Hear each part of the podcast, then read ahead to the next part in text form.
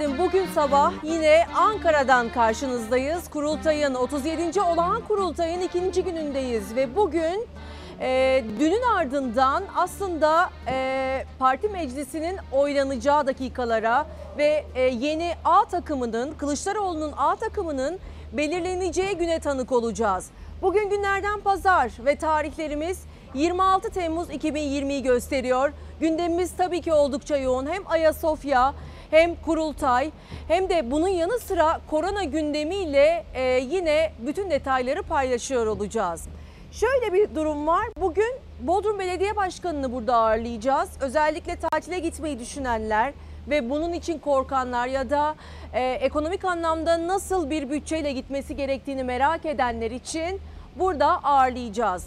Ve ikinci blokta Ankara temsilcimiz Önal Öşten, Deniz Zeyrek ve e, Canan Kaftancıoğlu CHP İstanbul e, il başkanı da burada olacak ve yine bütün e, CHP kurultayını masaya yatır- yatırıyor olacağız ama şimdi gazetelerimizle başlayalım. Güne Karar gazetesinden ilk detayımız gelsin. Bu tarafa mı gösteriyorum? Evet, Karar Gazetesi'nde aslında CHP kurultayında dün Kemal Kılıçdaroğlu'nun açıklamış olduğu cümlelerin bir kısmını görüyoruz. Dostlarla iktidara yürüyoruz. CHP lideri partisinin 37. olağan kurultayında 5 temel soruna işaret etti. 13 maddede 13 maddelik ikinci yüzyıla çağrı beyannamesini paylaştı ki detaylarda zaten haberimizde bu detayları da göreceksiniz.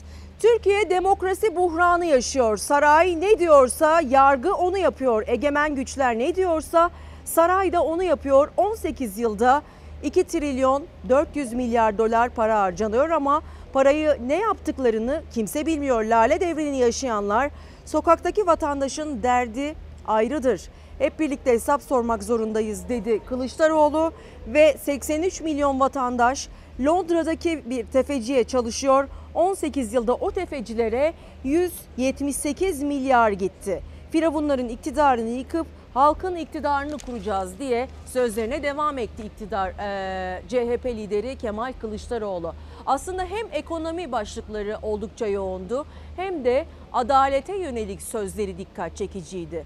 Hatta buraya girdiğinde sloganlar eşliğinde karşılandı. Hak, hukuk ve adalet sloganlarıyla. Bir de biliyorsunuz ki rap şarkısı hazırlanmıştı ve bu rap şarkısıyla da aslında Z kuşağını etkisi altına e, alması ve daha anlaşılır olabilmek içindi bu rap şarkının hazırlanma e, yolculuğu da. Yine e, burada bugün e, o rap şarkı eşliğinde sahneye çıkacak olan delegeler de var. Evrensel Gazetesi'yle devam edelim. E, aslında pandemiyle alakalı bir manşet karşılıyor bizi. Tek bir günleri bile normalleşmiş değil. Aslında pandeminin ekonomik olarak bir yansımasını görüyoruz. Birikmiş faturalar, ödenemeyen kiralar, büyüyen borçlar, işsizlik, giderek derinleşen yoksulluk, çaresizlik, içinde tutunacak bir dal arayanlardan biri de Sibel. Sadece bir vatandaşımızın aslında bu yansıması. Ekmeği bile borçla alan bir vatandaşımızın kısacık bir hikayesi paylaşılıyor Evrensel Gazetesi'nde. Salgında hayatı sürdürülemez hale gelenlerden biri de 3 çocuk annesi Fatma Gül. Fatma Gül Hanım pandemide işten atılan ve eşiyle birlikte iş arayan bir vatandaşımız. Ne yazık ki ara sıra tekstilde bulduğu paketleme, temizlik gibi günlük işlerle idare ediyor ve ekmeği fırından borçla alıyor. Bozuk makinesini tamir ettiremediği için işte çamaşırlarını da elde yıkıyor. Yıl 2020 ve bizler şu anda bir devrin içerisindeyiz. Teknoloji devrinin içerisindeyiz. Dünya işte bir yerlere giderken ekonomik zorluklar karşısında bir şekilde hayatını sürdürmeye çalışan e, milyonlarca vatandaşımızdan biri. Kısa çalışma ödeneğinin uzatılması da söz konusu biliyorsunuz ki Cumhurbaşkanının kararına bırakıldı ki dün haberimizde paylaşmıştık. Disk bunun aslında çalışana yapılan e, iyi gibi görünen ama aslında kötü bir duruma sebep sebep sebep veren bir mesele olduğunun üzerine e, üzerinde durdu. Çünkü kısa çalışma ödeneği aslında e, evde oturan işsizlerin de yeniden yeniden üzerinde durulması gerektirecek e, üzerinde durulması gerektirecek bir sürece sebep oluyor. Sabah gazetesine bakalım. Sabah gazetesinden bir Ayasofya detayı göreceksiniz. Türkiye tarihi yeniden yazıyor. Dünya Ayasofya'nın açılışının yankıları sürüyor dünyada. Kılınan ilk namaz İslam coğrafyasında adeta dirilişe yol açtı diye Sabah gazetesi e, çeşitli dünya medyalarının görüşlerini ve girmiş oldukları haberleri de derledi. Ve ne yazık ki burada bir kadın cinayeti detayı görüyorum. Ortakçılık artık yeter diye duyurulan Pınar'ın vahşice öldürülmesi, kızlarını hayatının baharında yitiren ailelerin acısını katladı. Özgecan, Güleda, Şule, Münevver, Zeynep onlar Türkiye'yi yasa boğan onlarca kadın cinayetine kurban verdiğimiz kadınlarımız. Bugün özellikle kadın cinayetlerinin de üzerinde duracağız. Çünkü dün kurultayı aslında bir kadın açmıştı. Divan Kurulu Aydın Belediye Başkanı Özlem Çerçioğlu'ydu. Bu da bir mesajdı aslında. Kadınların hak, hukuk, adalet ve e, ne yazık ki istismar e, dönemlerinden geçtiğimiz bu süreçte biraz olsun dikkat çekmek adına böyle bir durumla e, karşı karşı e, karşılaştık ve e, kurultayı da bir kadının seslenişiyle e, başlattı CHP. Şimdi efendim o zaman şöyle yapalım. CHP'deki ilk kurultay gününe geri dönelim. Dün e, aslında 3 adayı vardı. 3 e, aday adayı vardı CHP lideri Kemal Kılıçdaroğlu'nun karşısında ancak yeterli oy toplayamadıkları için Kemal Kılıçdaroğlu'na rakip olamadılar. Ve Kemal Kılıçdaroğlu 6. kez CHP Genel Başkanı oldu. Ve tabii ki 13 maddelik iktidar manifestosunda dikkat çekici cümleler vardı. Öncelikle o cümleleri yer veriyoruz. Neler söylemişti hatırlıyoruz. Sonrasında buradayız.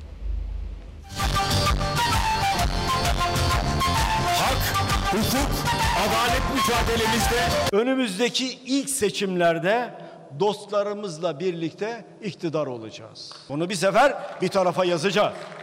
Firavunların iktidarını yıkıp halkın iktidarını kuracağız. Millet İttifakı demeden dostlarımız vurgusunu yaparak iktidar hedefini açıkladı. Kemal Kılıçdaroğlu'nun tek aday olarak genel başkanlık yarışına girdiği CHP'nin 37. kurultayında yerel seçimlerle kazanılan 11 büyük şehirden sonra yine ittifakla girilecek genel seçimin rotası da resmen çizildi. Önümüzdeki duvarı yıkacağız demiştim. 31 Mart yerel seçimlerinde duvarın arkasına geçtik. O duvarı şimdi dostlarımızla birlikte ve milletimizin ferasetiyle parça parça yıkacağız. Partili Cumhurbaşkanlığı sisteminden güçlendirilmiş parlamenter sisteme geçişin ilk hedef yapıldığı iktidar manifestosu açıklandı. Kemal Kılıçdaroğlu rakipsiz yarıştı. Cumhuriyeti demokrasiyle taşlandıracağımıza milletimizin önünde söz veriyoruz. Cumhuriyet Halk Partisi'nin tek adayı olarak katılan Sayın Genel Başkan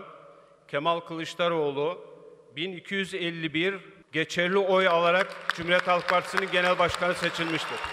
Korona virüs gölgesinde yapıldı CHP kurultayı seyirci alınmadı. Kürsüye gelen CHP lideri Kılıçdaroğlu 13 maddelik iktidar manifestosunu açıkladı. 2023'te başlayacak Cumhuriyet'in ikinci yüzyılı için yapacaklarımız diyerek açtı başlığı ilk restini sistem değişecek diyerek ortaya koydu. Birinci hedefimiz yeni bir anayasa ile güçlendirilmiş demokratik parlamenter sisteme geçilecektir. Partili ve yanlı cumhurbaşkanlığı uygulamasına son verilecektir. Cumhurbaşkanı Cumhurun başkanı olacak. Tarafsız olacak. Samimi olacak. Ahlaklı olacak. Dürüst olacak. Aldatılmayacak. Kandırılmayacak. Namus pür bu toprakların evladı olacak. Kılıçdaroğlu'nun manifestosunda en dikkat çekense Kürt sorunu deyip çözüm önerisi oldu. Türkiye'nin toplumsal barışı ve huzuru sağlanacaktır. Başta Kürt sorunu olmak üzere tüm toplumsal sorunlarımız Türkiye Büyük Millet Meclisi'nin öncülüğünde çözülecek. Kürt sorununu egemen güçlerin bir manivela olarak kullanmasına asla izin vermeyeceğiz. Tüm terör örgütleri ve yeraltı suç örgütleriyle mücadele ödün verilmeksizin sürdürülecektir. Terörle mücadeleye organize suç örgütleriyle mücadeleyi de ekledi Kılıçdaroğlu. Güçlerini meclisteki bazı siyasi otoritelerden alıyorlar sözleri dikkat çekti. İktidara sert cümlelerini dış politika üzerinden kurdu. Türkiye egemen güçlerin taleplerini yerine getiren bir devlet konumuna düşürülmüştür.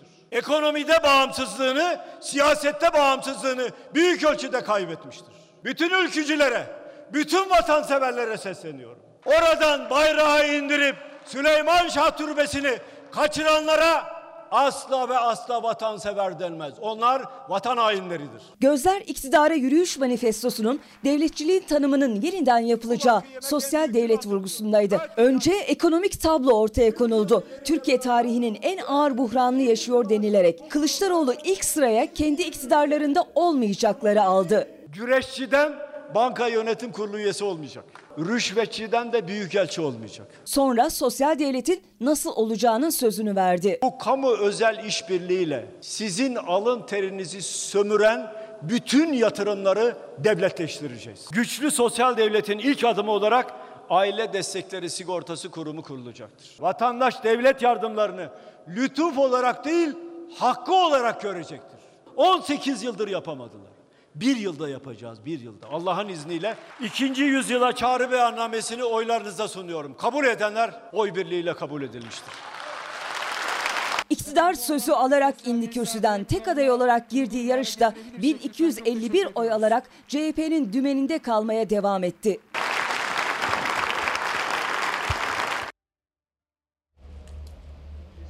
Ve bugünkü yarış öyle görünüyor ki çok daha e, heyecanlı olacak. Çünkü fazlasıyla rakip var. Kılıçdaroğlu 60 kişilik parti meclisi e, üyelerinin 50'sini değiştireceğini e, açıklamıştı.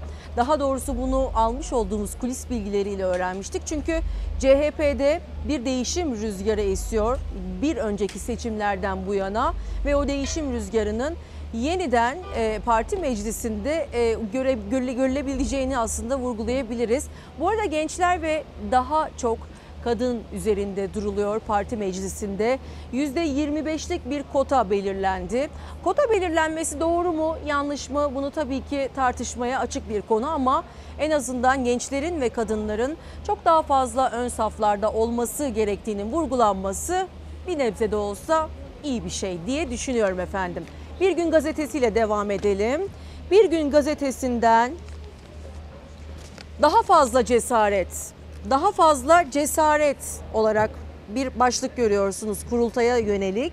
Tek adaylı kurultayda Kılıçdaroğlu yeni CHP'nin genel başkanlığına seçildi.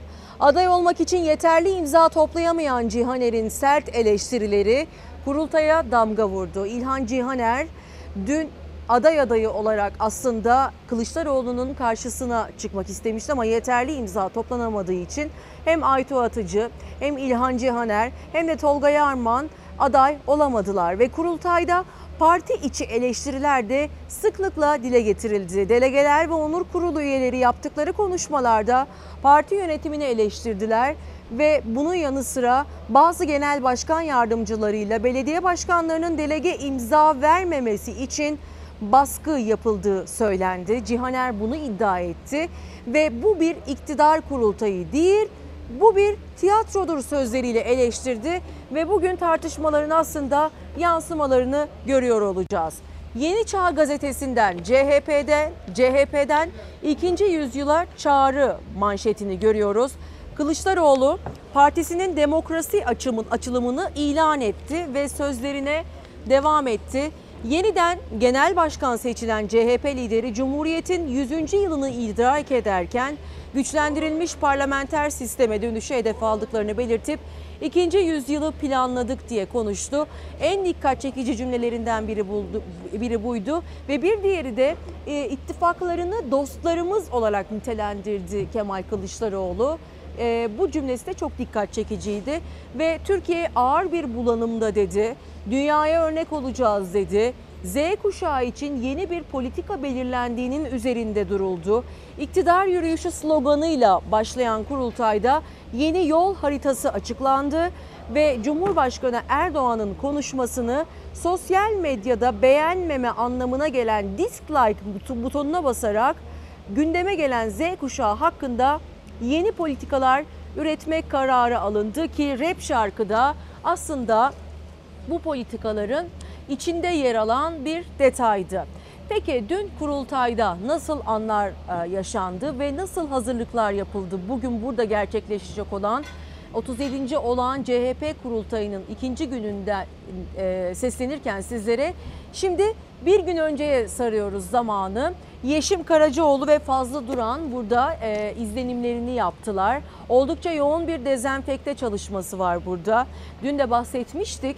E, içeriye maskesiz girmek yasak ve çipli kartlar haricinde kurultayın gerçekleşeceği alana girmek de yasak. Burası e, görsel basının olduğu bölüm.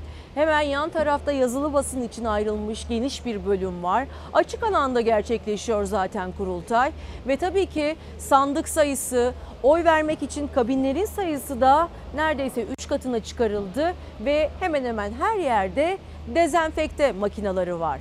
Ateşimiz de ölçüldü. Şu anda ben yayında olduğum için maskeli değilim ama tüm ekip arkadaşlarım maskeleriyle yayın yapıyorlar. Yani olağanüstü koşullarda olağan bir kurultay gerçekleşiyor.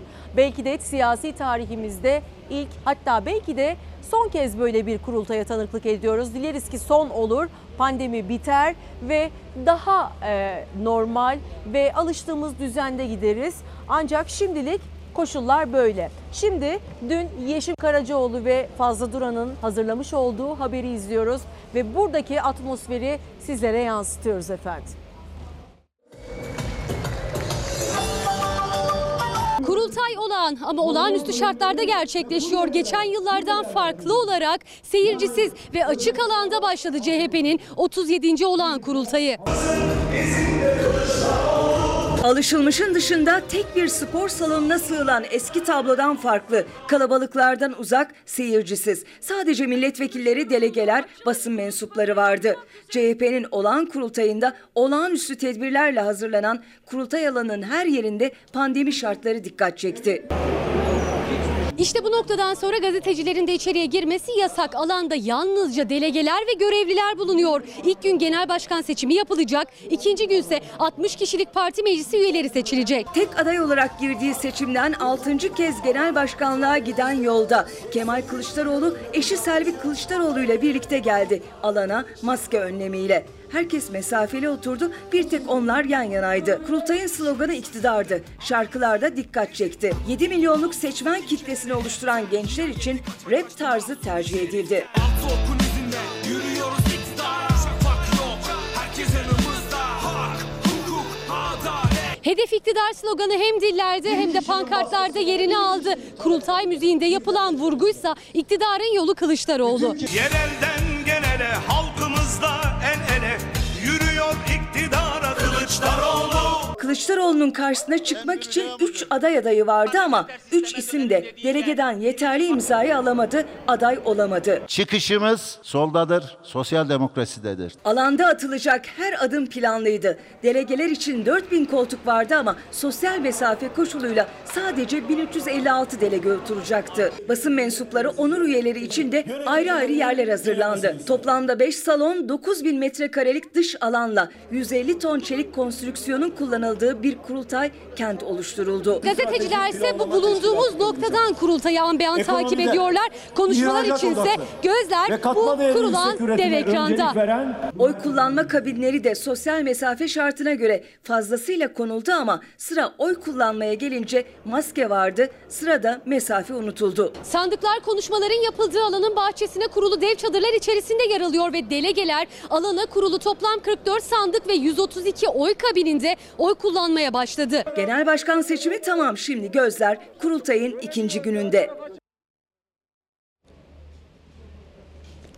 Sözcü gazetesinden bir detay. Dostlarımızla iktidar olacağız cümlesi CHP lideri Kemal Kılıçdaroğlu'nun genel başkanlığa yeniden seçilmesiyle beraber vermiş olduğu söz.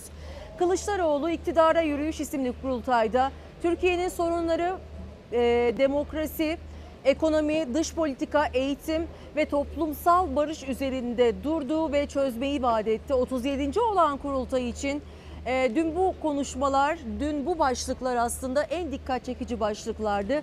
İlk seçimde dostlarımızla iktidar olacağız dedi ve 1251 oyla genel başkanlığa tekrar seçildi tam 6. kez. Ve Sözcü gazetesinin hemen manşetine de göz atmak istiyorum. Çünkü Türkiye'nin en çok konuşulan konusu bu.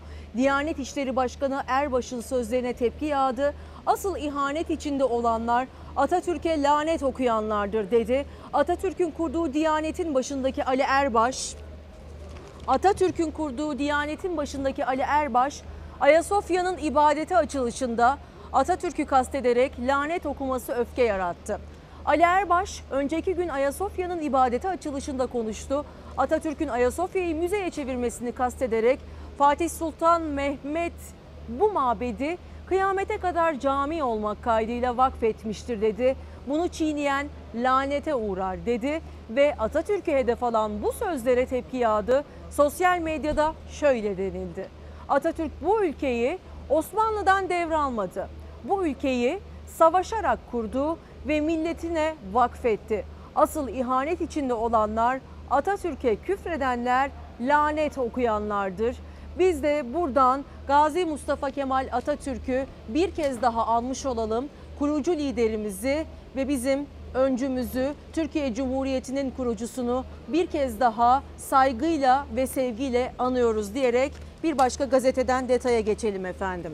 161 kişilik iş için 5400 başvuru. İşsizliğin aslında en net göstergesini e, bu haberle birlikte görebiliriz. İşsizlik ısrarla konuşulmasa da Türkiye'nin gerçek gündemindeki yerini korumaya devam ediyor. Bursa Uludağ, Üniversitesi'nin tıp fakültesinde 161 personel alımına 5000'i aşkın başvuru geldi.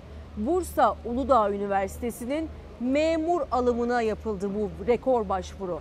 Ve sadece 13 Temmuz'da duyurulmuştu aslında bu iş duyurusu ve bu duyuruyla birlikte tam 5000'i aşkın başvuru geldi ki zaten İşkur kapısının önünde yapmış olduğumuz haberler de her ve e, her an bunu gösteriyor.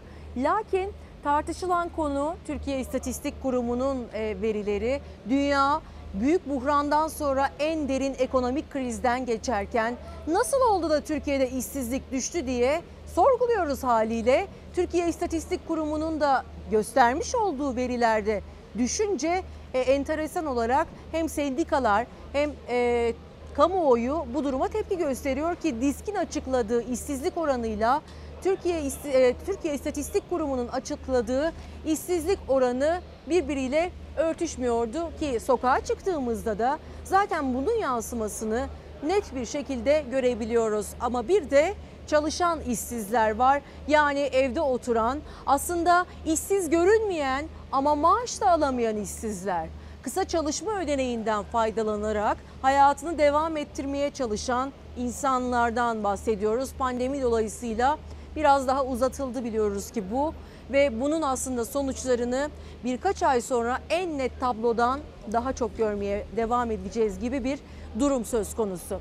Saatlerimiz 8.53 oldu efendim. Ben Merve Yıldırım yayınımızı Çalar Saat yayınını Ankara'dan gerçekleştiriyoruz. Burada olmamızın sebebi 37. olan CHP kurultayı. Dün genel başkanlık seçimi vardı. Bugün parti meclisi e, seçilecek. Yani Kılıçdaroğlu'nun A takımı belirlenecek.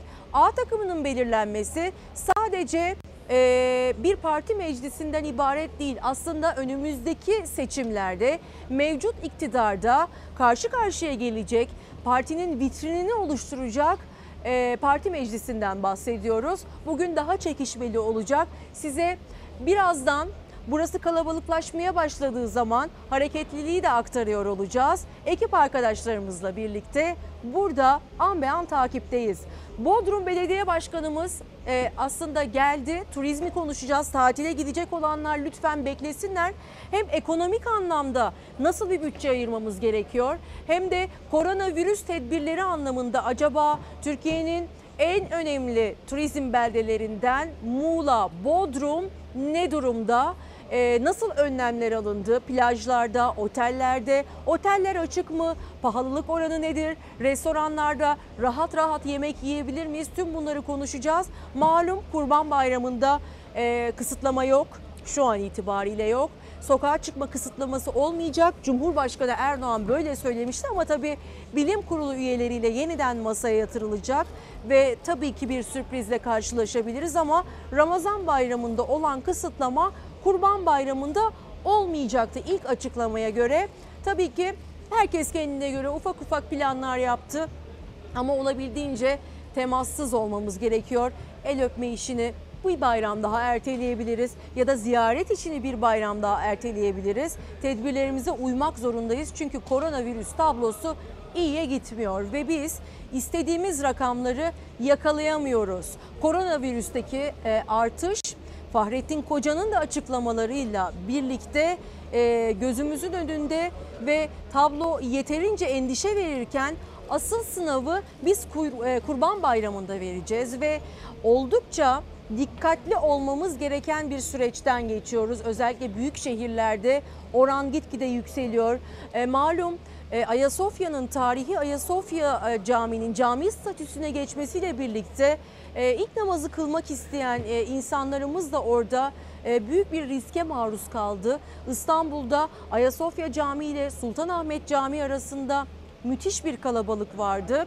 Tabii ki Allah kabul etsin ama kalabalıkların da dikkat çekici olduğunu vurgulamamız gerekiyor. Olabildiğince kalabalıklardan kaçalım. Özellikle Kurban Bayramı'nda ziyaretleri azaltalım. Şimdi koronavirüs tablosuna bakıyoruz efendim. Sonrasında tatil, Kurban Bayramı sürecinde ne gibi önlemler var? Tatil beldelerinde neler oluyor?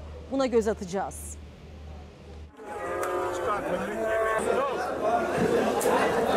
Bizim esas korkumuz o kesim alanlarında kalabalıklar oluşup solunum yoluyla birbirine bulaştırması insanların. Arkadaşlar lütfen maskesiz kimse pazarda gezmesin. Uzmanların en büyük endişesi yaklaşan Kurban Bayramı öncesinde sosyal mesafe kuralının unutulması. Ancak şimdiden pazarlar dolmaya başladı. Maske ve mesafe kuralı ise hiçe sayılıyor. Oysa Sağlık Bakanlığı'nın açıkladığı son tabloda yeni vakalara 921 kişi daha eklendi. 16 kişi ise hayatını kaybetti. İyileşen sayısı yeni vaka sayısından fazla ama hala 1252 kişi yoğun bakımda. Bu durum uzmanları da endişelendiriyor. Yoğun bakıma yatan hastaların e, sayısı 1200'ün üzerinde seyrediyor. Tablonun ciddiyeti sokakta unutuluyor. Hala maskesiz dolaşanlar, mesafeyi korumayanlar var. Enfeksiyon Hastalıkları Derneği Başkanı Profesör Doktor Mehmet Ceyhan, geri sayımın başladığı bayram için bir kez daha uyardı. Özellikle bayramlaşmaya gideceğiniz insanlar 65 yaşın üzerinde ve kronik hastalığı olan insanlarsa onları ciddi bir riske soktuğumuzu bilmeliyiz. Bu nedenle bayramlaşmaların mümkün olduğu kadar telefonla ya da işte internet üzerinden yapılması. Bayramlaşma ziyaretleri çok tehlikeli. Bundan kesinlikle kaçınmak lazım. Maske niye yok? Burada olmaz. Ağzında olacak. İple ya da boruyla pazarlığa formül aransa da Profesör Ceyhan'a göre kurban pazarları riskli alanların başında. Mutlaka oralardaki kalabalıklaşmayı önlememiz lazım. Ee, Bunun en çözüm yolu belki kurban kesim saatlerini yayarak ve e, o alanda belli sayıda insan bulundurarak olabilir. Mutlaka müşteri geldiğinde maskeyi takın. Tokalaşmadan pazarlık yapmaya çalışın. Mehmet Ceyhan'ın bir uyarısı da bayram namazına yönelik. Mümkün olduğu kadar açık havada ve sosyal mesafeye ve maskeye uyarak kılınması e, burada alınabilecek en iyi önlem ve özellikle bayram namazları sırasında insanların o sorumluluğu taşıyarak öksüren, hapşıran, ateşi olan birilerinin gidip insanları enfekte etmekten de kaçınması lazım. Bir uyarı da berberlerden geldi.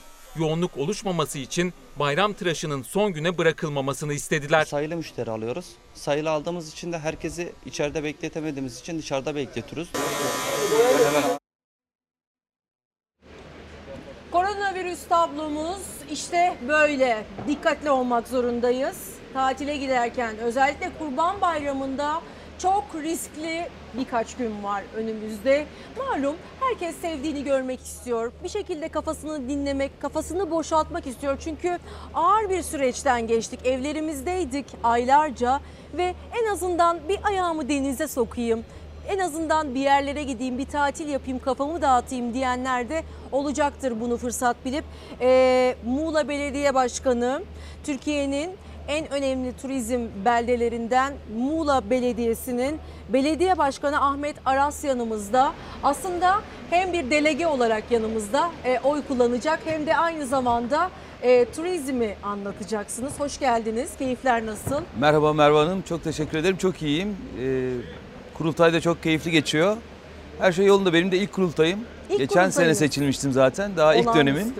O yüzden çok güzel bir gün benim için de bugün. Ben öncelikle dün büyük bir e, çoğunluğun desteğini alarak seçilen genel başkanımızı da kutluyorum. Ve yeni seçilecek parti meclisimizi de başarılar diliyorum. Evet, parti meclisi de tabii ki bir partinin vitrini Evet. ve e, alınacak tüm kararlarda aslında e, önümüzdeki süreçte seçim sürecinde de etkili etkili olacak. E, Evet. hayırlısı olsun. Türkiye'miz için, her partimiz için e, güzel kararlar alınsın diyerek biraz konunun dışına çıkalım. Ahmet Bey, şimdi turizm açısından bazı tedirginlikler var. Aslında zor bir süreçten geçiyorsunuz ve turizm olan, gelir kapısı turizm olan bir kenti yönetiyorsunuz. Siz e, turizm anlamında en başta ne gibi önlemler aldınız Bodrum genelinde? Bu yıl o kadar güzeldi ki sinyaller. Hı hı. Bütün yurt içi yurt dışı fuarlara katıldık. E, turizmcilerimizle beraber ki ben de bir- eski bir turizmciyim. Ve e, bütün yaptığımız temaslarda mükemmel bir sezonun bizi beklediğini göre, görebiliyorduk. Ama tabii Mart'ın başında e, bu salgın tehlikesi baş gösterince birdenbire bütün hayallerimiz suya düştü. Ve e, artık beklemeye başladık hepimiz beraber. E, işte geldi geçecek E, yabancı ve yerli turizmle ilgili projeksiyonlarımızı yaptık. Ama hiçbir zaman iyi bir tabloyu göremedik henüz. Çünkü özellikle yabancı turizm noktasında daha ilk uçak zaten 17'sinde Bodrum'a indi. Evet. Düşün 17 Temmuz'da ve haftada bir iniyor o da. İngiltere'den geliyor. Ukrayna'dan gelen bir uçak var. Yani bir kere yabancı turizmi bir kenara koyalım. Bu sene o tamamen kayıp. Evet. Yerli turizm noktasında ise yine e, tabii ki bizim de e, vatandaşlarımızın, misafirlerimizin koronayla beraber yaşamaya alışması, hele hele bunu bir tatil beldesinde yapması çok zor bir şey. Yani o insan davranışları, o misafirin davranışlarını tahmin etmek çok zor. Biz gereken bütün önlemleri aldık Merve Hanım. Yani otellerimiz şu anda hem e, Turizm Bakanlığımızın bir sertifikasyonu var. Onunla ilgili başvurularını yaptılar, belgelerini aldılar. Her türlü önlem alındı. Personelinden e, odasına kadar, yeme içme alanlarından plajlarına kadar her şey tamam. O konuda hiçbir şüpheniz olmasın. Ancak tabii ki o insan davranışındaki belirsizlik turizmi de tamamen etkiledi. Ve şu anda Bodrum'da özellikle butik otellerde belli bir e, doluluk var. Ama büyük otellerimizde e, birçoğu zaten açılmadı. Evet. Ama bazılarında da çok düşük e, profilde doluluklarla şu anda bir e, sezon geçiriyoruz. Bu da açıkçası e, çok acı çünkü şurada kaldı iki ayımız zaten işte diyelim e, Ağustos hadi Eylül sonuna kadar. E, ondan sonra bizi 8 ay gibi karanlık bir dönem bekliyor. Çünkü bir dahaki e, sezona kadar işte Nisan Mayıs'a kadar ciddi bir zaman var. Şimdi bir de aynı zamanda Bodrum'da 4-5 ay e, insanlar para kazanabilir. Çünkü Bodrum yazlık bir e, bölge ve orada yaşayan insanlar pazarlarında daha çok satışı bu 4 ay içerisinde yapıyor ya da ulaşım, taksiler 4 ay içerisinde çalışıyor ve bütün birikimlerini aslında bir yıl boyunca geçinmeleri gereken parayı Bodrum halkı sadece 4 ayda alıyordu. Yani e, hangi aylar? Haziran, Temmuz, Ağustos, Eylül Evet, diyebiliriz doğru, belki. Doğru. E, peki o halkımız için e, durum nasıl? Yani Şimdi biz belediye tabii ki zorlanıyorlar. Biz belediye olarak yerel e, yapabileceğimiz bütün destekleri evet. yapıyoruz. İşte e, eğer kendi kiracılarımızsa onlardan kira almıyoruz ya da işgaliye icra misil ücretlerini e, tahakkuk etmiyoruz. E, ya da işte Büyükşehir Belediye'miz su paralarını erteledi. Hı hı. Yine katı atık bedellerini biz erteledik. Yani hani biz yapabileceğimiz bütün e, maksimum desteği yapmaya çalışıyoruz ama tabii ki onların daha e, fazla desteğe ihtiyacı var. Çünkü turizm sektörü insan yoğun çalışan bir sektör. Özellikle işte servis personeli, e, mutfak personeli, housekeeper e, grubu yani onlar bir otelde çok ciddi bir e, yekün tutuyor ve asıl e, ana gider kalemi personel giderleri. Evet. Personel giderlerinin kesinlikle desteklenmesi lazım. Ama öyle hani kısa çalışmayla değil. Yani 1170 lira verip ücretsizine göndermekle kesinlikle o insanları biz geçindiremeyiz. Onların en azından en azından yani bugüne kadar zaten gerekli kesintileri yapıldı. İşsizlik sigortası bu konuda çok e, zaten iyi bir aslında orada bir oluşum ama e, onlara verilmesi gereken en azından bir asgari ücret. Yani bu kötü dönemde, zor dönemde, turizmin bu kadar e, sıkıştığı bir dönemde bir kere personel açısını desteklememiz lazım. Ayrıca yine turizmcilerimizin, kendi yatırımcılarımızın da onların da işte kredi borçları var, e, kamuya borçları var, SGK vergi borçları var. Onlarla ilgili yapılandırmaların olması lazım ki bunlar belli bir oranda yapıldı. E, ve bazı destekler tabii ki verildi. E, sağ olsun bakanımız da zaten biliyorsunuz turizmin içinden gelen Evet, bir Turizm bakan. Bakanı da ayrıca onu da atlamayalım. Tabii ki, Ee, tabii. Özellikle Avrupa Birliği'nin uygulamış olduğu güvenli ülkeler arasında e, olmamamı, e, olmamamıza hakikaten çok e, sinir bozucu bir durumdu ve bunun içinde pek çok görüşme yaptı Turizm Bakanı ve Dışişleri Bakanı. Çok doğru. E, çünkü Türkiye aslında pek çok Avrupa ülkesine göre çok daha güvenli bir ülke. E, Evet. ve a- a- bu listede bizim yer almıyor olmamız hakikaten biraz politik bir mesele gibi. Ee, evet tabii ki bir de rakip ülkeler var bizim biliyorsunuz. Evet. E, zaten aynı pazarı hedefliyoruz biz. Mesela işte Yunanistan hemen dibimizde, İspanya, İtalya gibi, e, Hırvatistan gibi, Adriyatik gibi bizim rakip ülkelerimiz var, Mısır gibi. Onlar hep aynı pazar. Ya e, Kuzey Avrupa pazarını ya Rusya e, pazarını hedefliyorlar. E, bu durumda e, eğer biz de politik açıdan tabii e, sonuçta bazı gerginlikler yaşıyoruz zaman zaman bunlarla. Evet. Ve e, bizim bu turizmimizi direkt etkiliyor ama Sayın Bakanımız ve Dışişleri Bakanımız ikisi de beraber e, çok önemli görüşmeler yapıyorlar. Şimdi Almanya'dan iyi haberler geliyor. Açılabilir. Yani biz tabii ki Bodrum olarak sadece yaz turizmine hizmet ediyoruz ama Türkiye genelinde e, Kayak turizmi, kış Evet 12 turizmi. ay boyunca da turizm var. Yani biz sadece Bodrum özelinde değil aynı zamanda Türkiye genelinde de düşünmeliyiz. E, aynı zamanda Bodrum'da bir de eğlence sektörümüz, bir denizcilik sektörümüz Ha, var bizim. Ona gelelim mi? Evet. Eğlence sektörü çökmüş durumda. Şimdi Evet. eğlence sektörüne biz eğlence olarak bakmamalıyız sadece. Çünkü e, bir gece mekanında, bir gece kulübünde, e, konser alanında çalışan garson var, bulaşıkçı var, e, temizlik görevlisi var, oradaki aşçı var. Orada onlar ekmek parası için çalışıyor ve o kadar çok işsizlik var ki. Çünkü ne yazık ki Evet. sadece açılmayan e, mekanlar eğlence mekanları. Doğru. Ve Şimdi- Bodrum'u da Evet. aslında e, çok büyük bir gelir kapısı da bur- buradaydı. Buna nasıl bakıyorsunuz? Şikayet geliyor mu Evet. belediyeye? Tabii ki geliyor. Esnafımız bu konuda çok rahatsız. Ee, sayın bakanlarımıza da e, yine bilim kuruluna da pandemi kuruluna da ulaşıyorlar. Sürekli serzenişlerini dile getiriyorlar. Yani restoran açık, işte kafe açık ve her şey açık ama kulüpler açık değil, barlar açık değil diye. Ee, şöyle bir şey var. Yani bizim Bodrum'daki eğlence sektörü derken turizme hizmet eden bir sektör zaten bu. Ve hepsi birbirini besliyor, zincir. Yani evet yani bu hani e, şimdi tabii ben onu ifade etmeyeyim de hani e, gece kulüpleri falan başka türlü anlaşılır ya bu öyle değil. Bu bizimki direkt turizme hizmet ediyor. Çünkü gelen turist otelinden çıkıyor orada akşam yemeğini yiyor, eğlenmeye gidiyor. Böyle bir sektör bu. Yabancılar da var yani onların Tabii. kültürüne de aslında e, aradıkları ve güncel hayatlarında olan bir kültür, eğlence kültürü. E, tabii ki ve yaklaşık Bodrum'daki e, eğlence sektörüne hizmet eden işletme sayısı belki bin civarındadır. E, 900'ün üzerinde kesinlikle ve bu büyük şehir metropollerden bile daha fazla. O yüzden o insanların e, çalışanlarının çarpanıyla beraber 75-80 bin kişiye orada e, iş ve ekmek sağladığını düşünebilirsiniz. Yani böyle Evet. bir büyüklükten bahsediyoruz.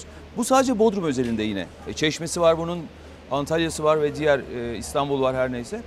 Onlara da e, tabii ki çok ciddi bir destek yapılmalı bence. E, açılmadılar. E, 12'ye kadar önce açıktı. İşte kafe olanlar açık, barlar açık değildi. Yani bunun da bir düzenlemeye hemen kavuşturulması gerekiyor. En azından şu sezon kaçmadan. Çünkü çok az zaman kaldı. En azından bir ayı kurtaralım diyorsunuz. E, biliyorsunuz onlar bir de hafta sonu hesabı yaparlar. Yani böyle cumartesi, cuma cumartesi, cuma cumartesi. Hani en fazla çarşamba cuma cumartesi hesabı yaparlar. Evet. Zaten şöyle hesapladığınız zaman zaten 8 geceleri bilemediniz 12 geceleri kaldı. Yani o kadar e, zor durum ve asıl bekleyen tehlike dediğim gibi Ekim ve Kasım'dan sonra. Ekim ve Kasım'dan sonra Evet. sıkıntılı bir süreçten geçeceğiz. Hepimiz geçeceğiz ama tabii ki olan en çok esnafa olacak ve Doğru. e, sokaktan para kazanan kesim olacak. Bir de şunu sormak istiyorum. Şimdi Bodrum için bir lahmacun bu kadar bu kadar haberlerini görürüz. Ya da bir hamburger yedim 350 lira verdim. Bir e, su içtim şu kadar şu kadar verdim. Bilmiyorum seyircilerimiz böyle faturalarla karşılaştılar mı? Merve Yıldırım TV, Twitter ve Instagram'dan yazabilirler. Ya da bir plaja gittim. Oraya girerken şu kadar para verdim. Bir de üzerine bir lahmacun yiyip 350 lira verdim diyenler. Evet. Bodrum'da farklı farklı yerler var. Ee, peki hepsi mi bu kadar pahalı? Onu en e, ilk ağızdan sizden Evet. öğrenelim. Ya di- Ucuza tatil yapamaz mıyız biz Bodrum'da? Şimdi tabii ki e, hepsi o kadar pahalı değil. E, biz de orada yaşıyoruz. E, Bodrum'da yaşayan yaklaşık 220 bin civarında şu anda e, sürekli orada ikamet eden nüfus var. 350 liraya mı yiyorsunuz E, lahmacun? hayır tabii ki mü- mümkün mü böyle bir Kaç şey? Ya, liraya yiyorsunuz? e, 10 liraya da var. Hı hı. Döner mesela o döner e, mevzu olmuştu en son Evet. biliyorsunuz. E, 370 liraya da var yani ama o bir buçuktu yalnız onu da hatırlatmak isterim. ya orada e, tabii ki bu çok önemli bir marka. Evet. E, orada gidip e, özellikle geceliği 10 bin euroya insanlar kalıyorlar. Hı hı. E, o otel grubunda. Ya da bir başkasında birkaç tane biliyorsunuz Bodrum markaların da toplandığı bir yer. Evet. E, özellikle Bodrum 11 ayrı beldesinde 11 e, yani 11'den daha fazla hatta marka otellerin olduğu mesela Türkbükü'nü biliyorsunuz e, birçok markayı barındırıyor. Yine Yalıkavak marinalarıyla ya da çok önemli e, turizm markalarıyla, otel markalarıyla e, orada yer alıyorlar. E şimdi orada tabii ki e, gelen müşterilerin beklentisi yüksek. E, o yüzden onlara uygun e, servis ve e, fiyat var orada. Yani biraz daha lüks tatil yapmak isteyenler evet. dün tercih ettiği mekanlar buralar değil evet. mi? Onun dışında bizim kendi hem yerel halkımız hem de e, Bodrum'a gelen diğer misafirlerimiz için çok alternatifler var.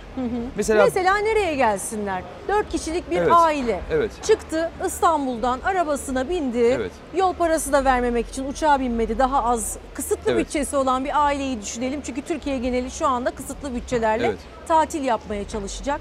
Çıktı evinden arabasıyla gitti Bodrum'a. Nereye gitsin?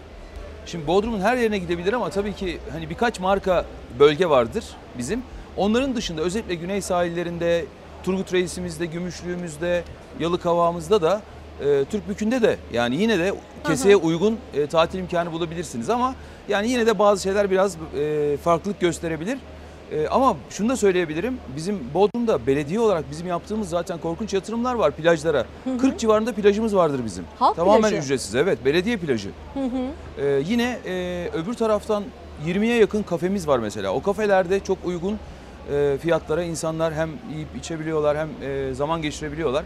Ama bunun dışında da yine esnafımızda da yine benim bahsettiğim gibi çok uygun fiyatlı e, hizmet veren, servis veren arkadaşlarımız var. O yüzden gelen e, misafirlerimiz çekinmesinler ama bir araştırsınlar. Yani bir mekana girerken menüsüne bakmak gerekir. Tabii. Yani girdikten sonra artık geçmiş olsun yani oradan sonra.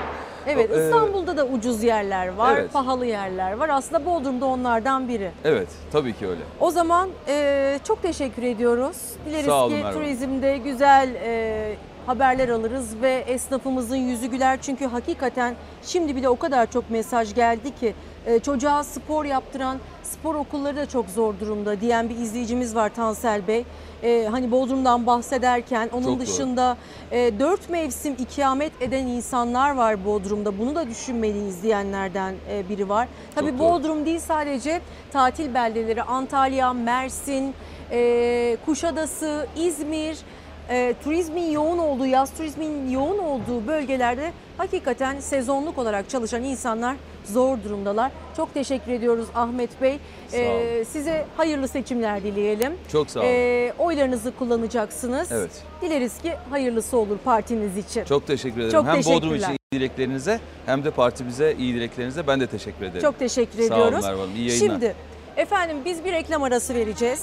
Bu reklam arasında sizler kahvelerinizi ve çaylarınızı alacaksınız. Sonrasında e, Tülay Öşten burada olacak, Deniz Zeyrek burada olacak. e, İstanbul İl Başkanı Canan Kaftancıoğlu burada olacak. Hem iktidar kurultayı, kurultayı olarak yola çıkılan CHP'nin 37. olağan kurultayını masaya yatıracağız. Hem gündem maddelerimiz var. Merve Yıldırım TV, Twitter ve Instagram'dan sorularınızı, yorumlarınızı yazabilirsiniz efendim. Saat 9.30 oldu efendim. Bugün günlerden pazar ve tarih 26 Temmuz 2020 37. olan CHP kurultayının yapıldığı bölgeden Ankara'dan yine karşınızdayız. Dün genel başkanlık yarışı e, vardı. Kemal Kılıçdaroğlu 6. kez parti başkanı olarak seçildi ve bugün de parti meclisi üyeleri belirlenecek. Ama bizler gündem maddelerimizi yeniden sizlerle paylaşmaya devam ediyoruz. Merve İldirim TV Twitter ve Instagram'dan haberlerimize olan yorumlarınızı paylaşabilirsiniz. Geceden sıcak bir haberle devam edelim. Heybeliada'dan dönen 27 kişinin e, bindiği tekne battı.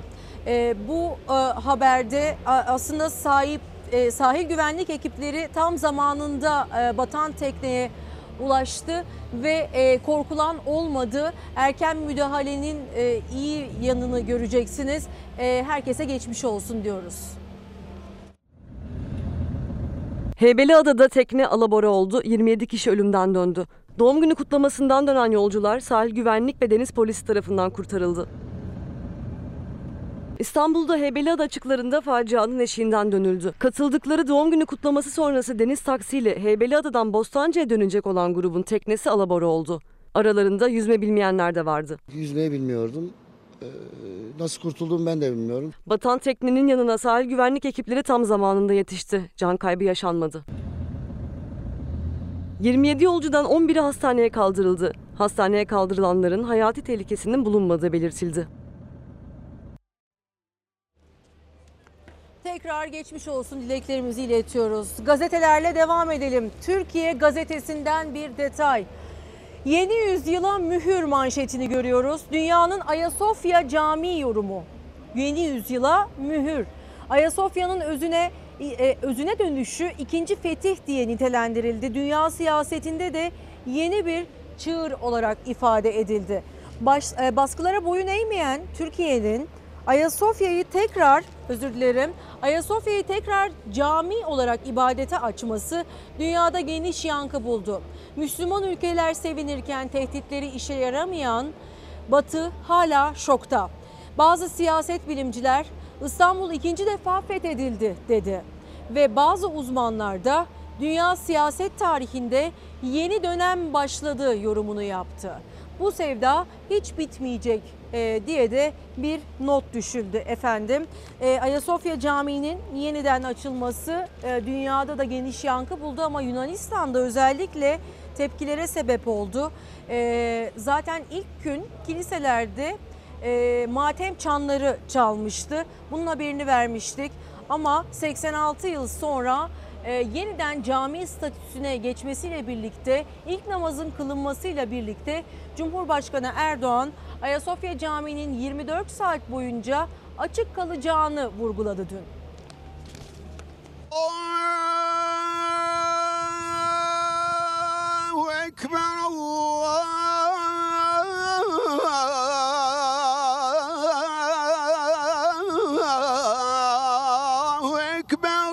Cuma namazıyla yıllar sonra ibadete açıldı Ayasofya Camisi. Cumhurbaşkanı Erdoğan, caminin 24 saat açık kalması için talimat verdi. Gecede gündüzde kalabalık hiç azalmadı. Saatlerce sıra bekleyenler namaz kılmak için koşarak girdi camiye. 86 yıl sonra ilk kez kılınan sabah namazında da Ayasofya Camisi dolup taştı.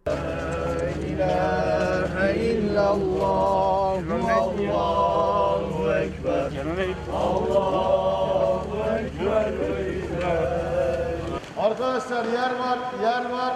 Danıştay'ın kararından sonra tüm gözler ilk ibadet için 24 Temmuz'daydı. Ayasofya Camisi ve çevresinde 350 bin kişi ilk cuma namazında buluştu. Allahu Ekber.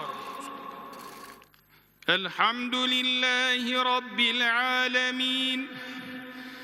الرحمن الرحيم هدى للمتقين الذين يؤمنون بالغيب ويقيمون الصلاة ومما رزقناهم ينفقون Tarihi günde Cumhurbaşkanı Erdoğan Kur'an-ı Kerim okudu. Diyanet İşleri Başkanı Ali Erbaş elinde kılıçla Cuma hutbesi verdi. Cuma namazından sonra protokol camiden ayrıldı. Bu kez ziyaretçiler içeri alındı. 86 yıl sonra kılınan cuma namazıyla ibadete açılan Ayasofya Cami ve çevresinde akşam saatlerinde de yoğunluk devam ediyor. Akşam namazını Ayasofya Camii içinde kılmak isteyenler caminin önünde uzun kuyruklar oluşturuyor. Öğleden belli bekliyoruz buralardayız. İçeri girmeyi bekliyoruz. İnşallah Allah nasip ederse girip göreceğiz. Duisburg'dan geliyorum Almanya'dan. Bir için geldim özellikle. Ayasofya'da namaz kılmak bizim için en büyük hayalimizdi. Gece kalabalık hiç eksilmedi. Polis kontrolünde sırayla içeri alındı namaz kılmak isteyenler. Geceyi Ayasofya Meydanı'nda geçirenler bu kez sabah namazını kılmak için akın etti camiye. Tekbir sesleriyle girdiler içeri. Namaz kılanlar arasında İstanbul Valisi Ali Yerlikaya da vardı. Cumhurbaşkanı Erdoğan'ın 24 saat açık kalması yönünde talimat verdiği cami namaz haricinde de ziyaret edilebiliyor. Kılınan namazlardan sonra dezenfekte ediliyor. Milliyet gazetesinden bir detay. Buyurun çıkın meydana. Cumhurbaşkanı Erdoğan dün Libya Ulusal Mutabakat Hükümeti Başkanı Feyyaz Sarac'ı Vahdettin Köşkü'nde kabul etti ve Erdoğan'dan Yunanistan'a sert göndermeler vardı. Cumhurbaşkanı Erdoğan gerilimin yeniden tırmandığı Yunanistan'a yönelik çok sert imalarda bulundu. Erdoğan ülkemize karşı ne siyasetle ne diplomasiyle ne sağduyuyla ne akılla bağdaşan sözler sarf eden davranışlar sergileyenleri açıkça ikaz ediyoruz. Şayet bizim ödediğimiz bedelleri göze alıyorsanız buyurun meydana çıkın dedi. Cumhurbaşkanı Erdoğan 86 yıl sonra Ayasofya Camii'nde kılınan e, namaz sonrası Yunanistan'ın protestolarına yönelik sert tepkiler gösterdi ve Selanik'te protestolar devam etti. Bir grup Türk bayrağını hedef aldı ve Erdoğan da onlara bakın nasıl cevap verdi. Allahu Ekber, Allahu Ekber. Τα όσα συμβαίνουν αυτή τη μέρα στην Κωνσταντινούπολη δεν είναι εκδήλωση ισχύω, αλλά απόδειξη αδυναμίας. Son günlerde çok fazla gürültü çıkartan ülkelerin gayelerinin Ayasofya veya Doğu Akdeniz değil, bizatihi Türk milletinin ve Müslümanların bu coğrafyadaki varlığı olduğunu zaten biliyoruz. Cumhurbaşkanı Erdoğan Yunanistan Başbakanı Mitsotakis'in açıklamasına Doğu Akdeniz üzerinden yanıt verdi. Yunan protestocular Ayasofya Camisi'nin ibadete açılmasını hazmedemedi. Türk bayrağına alçakça el uzattığı ateşe verdi. Türkiye bayrak skandalını kınadı. Yunanistan'da şanlı bayrağımızın yakılmasını şiddetle lanetliyoruz. Ayasofya Camii'nin açılmasını güya protesto etmeye çalışan Yunan faşistlerini cesaretlendiren siyasileri kınıyoruz. Ayasofya Camisi'nde 86 yıl sonra kılınan ilk namaz Yunanistan'ı ayağa kaldırdı. Selanik'te protestolar skandala dönüştü. Aşırı sağcı bir grup özel ayin düzenlenen bir kilise önünde toplandı. Türkiye aleyhinde sloganlar attı. Kalabalık daha sonra Türk konsolosluğuna doğru yürüyüşe geçti. Göstericiler konsolosluk önünde polis engeliyle karşılaştı. 150 kişilik grup bu sırada Türk bayrağını ateşe verdi. Türkiye'nin alçak saldırıya yanıtı sert oldu. Dışişleri Bakanlığı Sözcüsü Hami Aksoy, Türk bayrağının Selanik'te yakılmasına izin verilmesini kınadı. Tarihten gereken dersi almamış bu ırkçı kafaların şanlı bayrağımıza saygısızlık yapanların Ege'deki akıbetini iyi hatırlamaları gerekir. Yunanistan 567 yıldır uyanamadığı Bizans rüyasından artık uyanmalı ve bunun nezikliğinden kurtulmalıdır. İlahe illallah.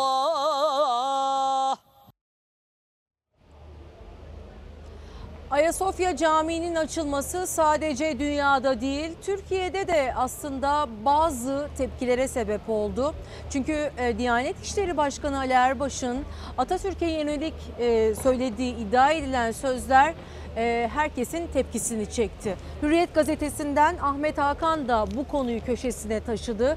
Atatürk'e beddua değil, dua edilir dedi. Diyanet İşleri Başkanı Ali Erbaş Ayasofya hutbesinde Atatürk'e lanet ettiği iddiasına açıklık getirdi.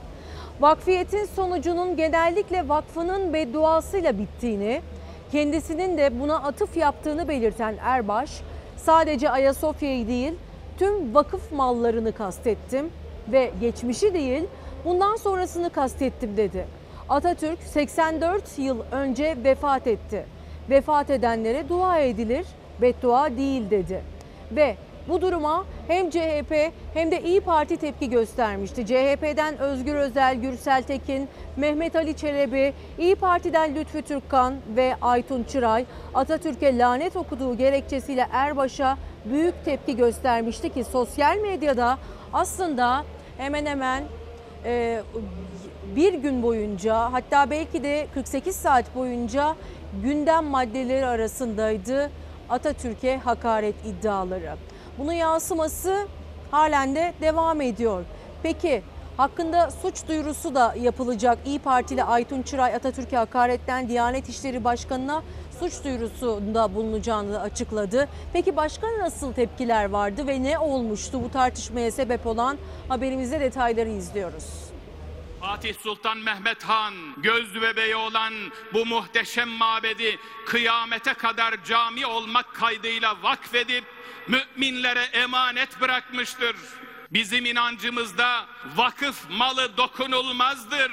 Dokunanı yakar. Vakfedenin şartı vazgeçilmezdir. Çiğneyen lanete uğrar. Ali Erbaş'ta şu kadar gurur varsa, şu kadar onur varsa o görevden istifa eder. İstifa etmiyorsa onun o koltukta oturduğu her dakika Adalet ve Kalkınma Partisi'nin bu rezalete ortak olmasıdır. Ali Erbaş, Gazi Mustafa Kemal Atatürk'e lanet okuyarak kendince birilerine selam çakmış olabilir. Bundan büyük bir haz da almış olabilir.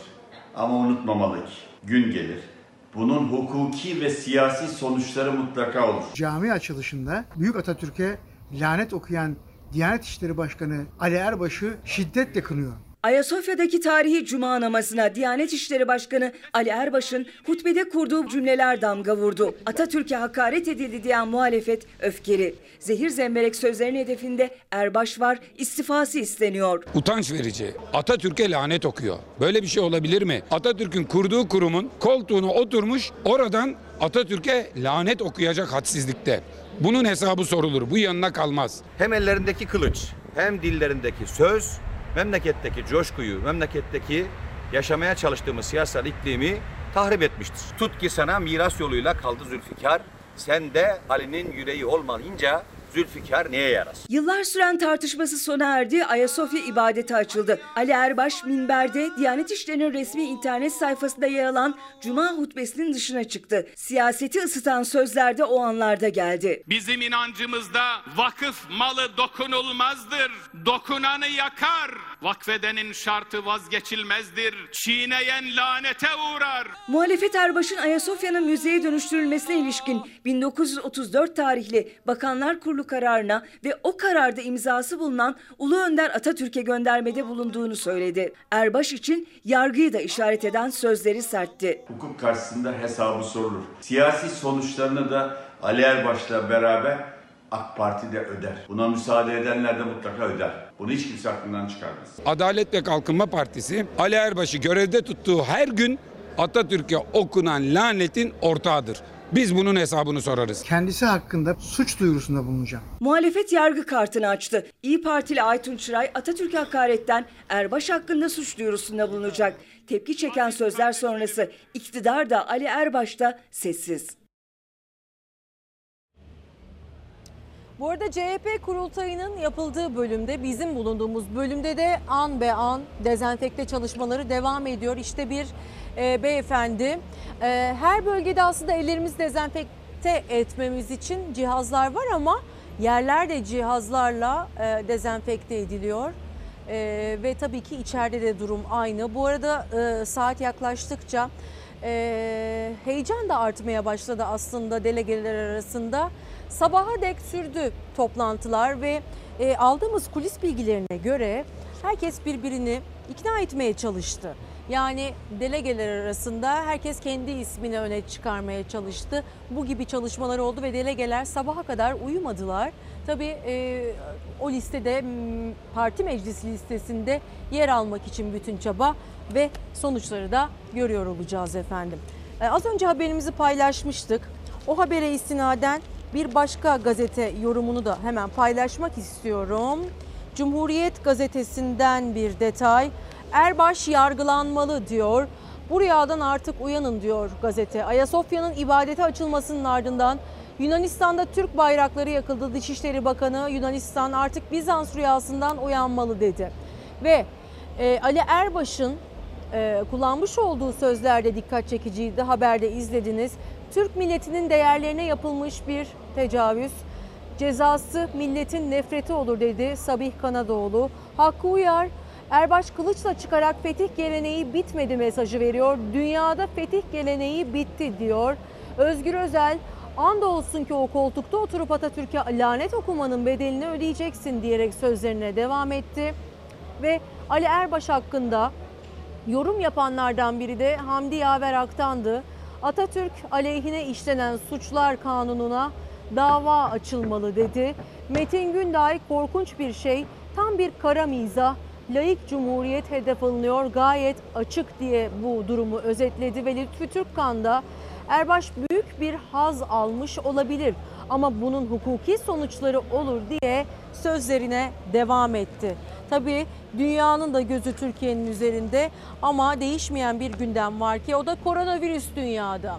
Ve Türkiye'de bunun mücadelesini verirken dünya bir de protesto dalgasıyla e, sarsılı, sarsılıyor. Birçok ülkede farklı sebeplerle kalabalıklar seslerini yükseltiyor. Gösterilerin son adresi Amerika Birleşik Devletleri, Rusya ve Macaristan'ın oldu.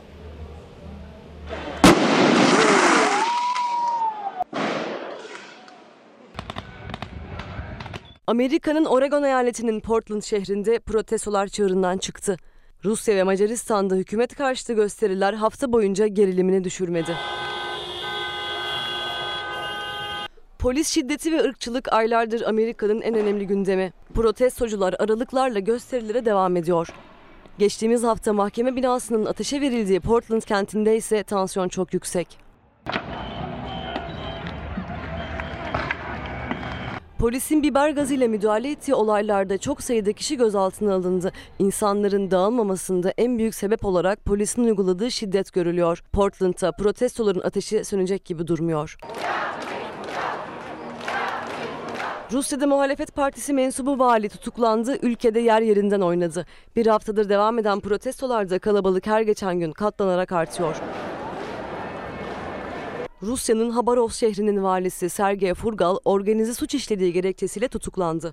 İnsanlar sokaklara döküldü. Putin hükümetine karşı gösteriler yapıldı. Furgal'ın serbest kalmasını istediler. Hükümet geri adım atmadıkça kalabalıklar daha da arttı. Protestocuların vali serbest kalana kadar sokakları terk etmeye niyeti yok. Macaristan'ın başkenti Budapeşte de hükümet karşıtı gösterilere sahne oluyor. Ülkenin en çok takip edilen bağımsız haber kuruluşlarından birinde genel yayın yönetmeninin işine son verildi. İnsanlar bağımsız medya sloganlarıyla sokaklarda ses yükseltti. Ülkede 80 gazeteci tepkisini istifa ederek gösterdi.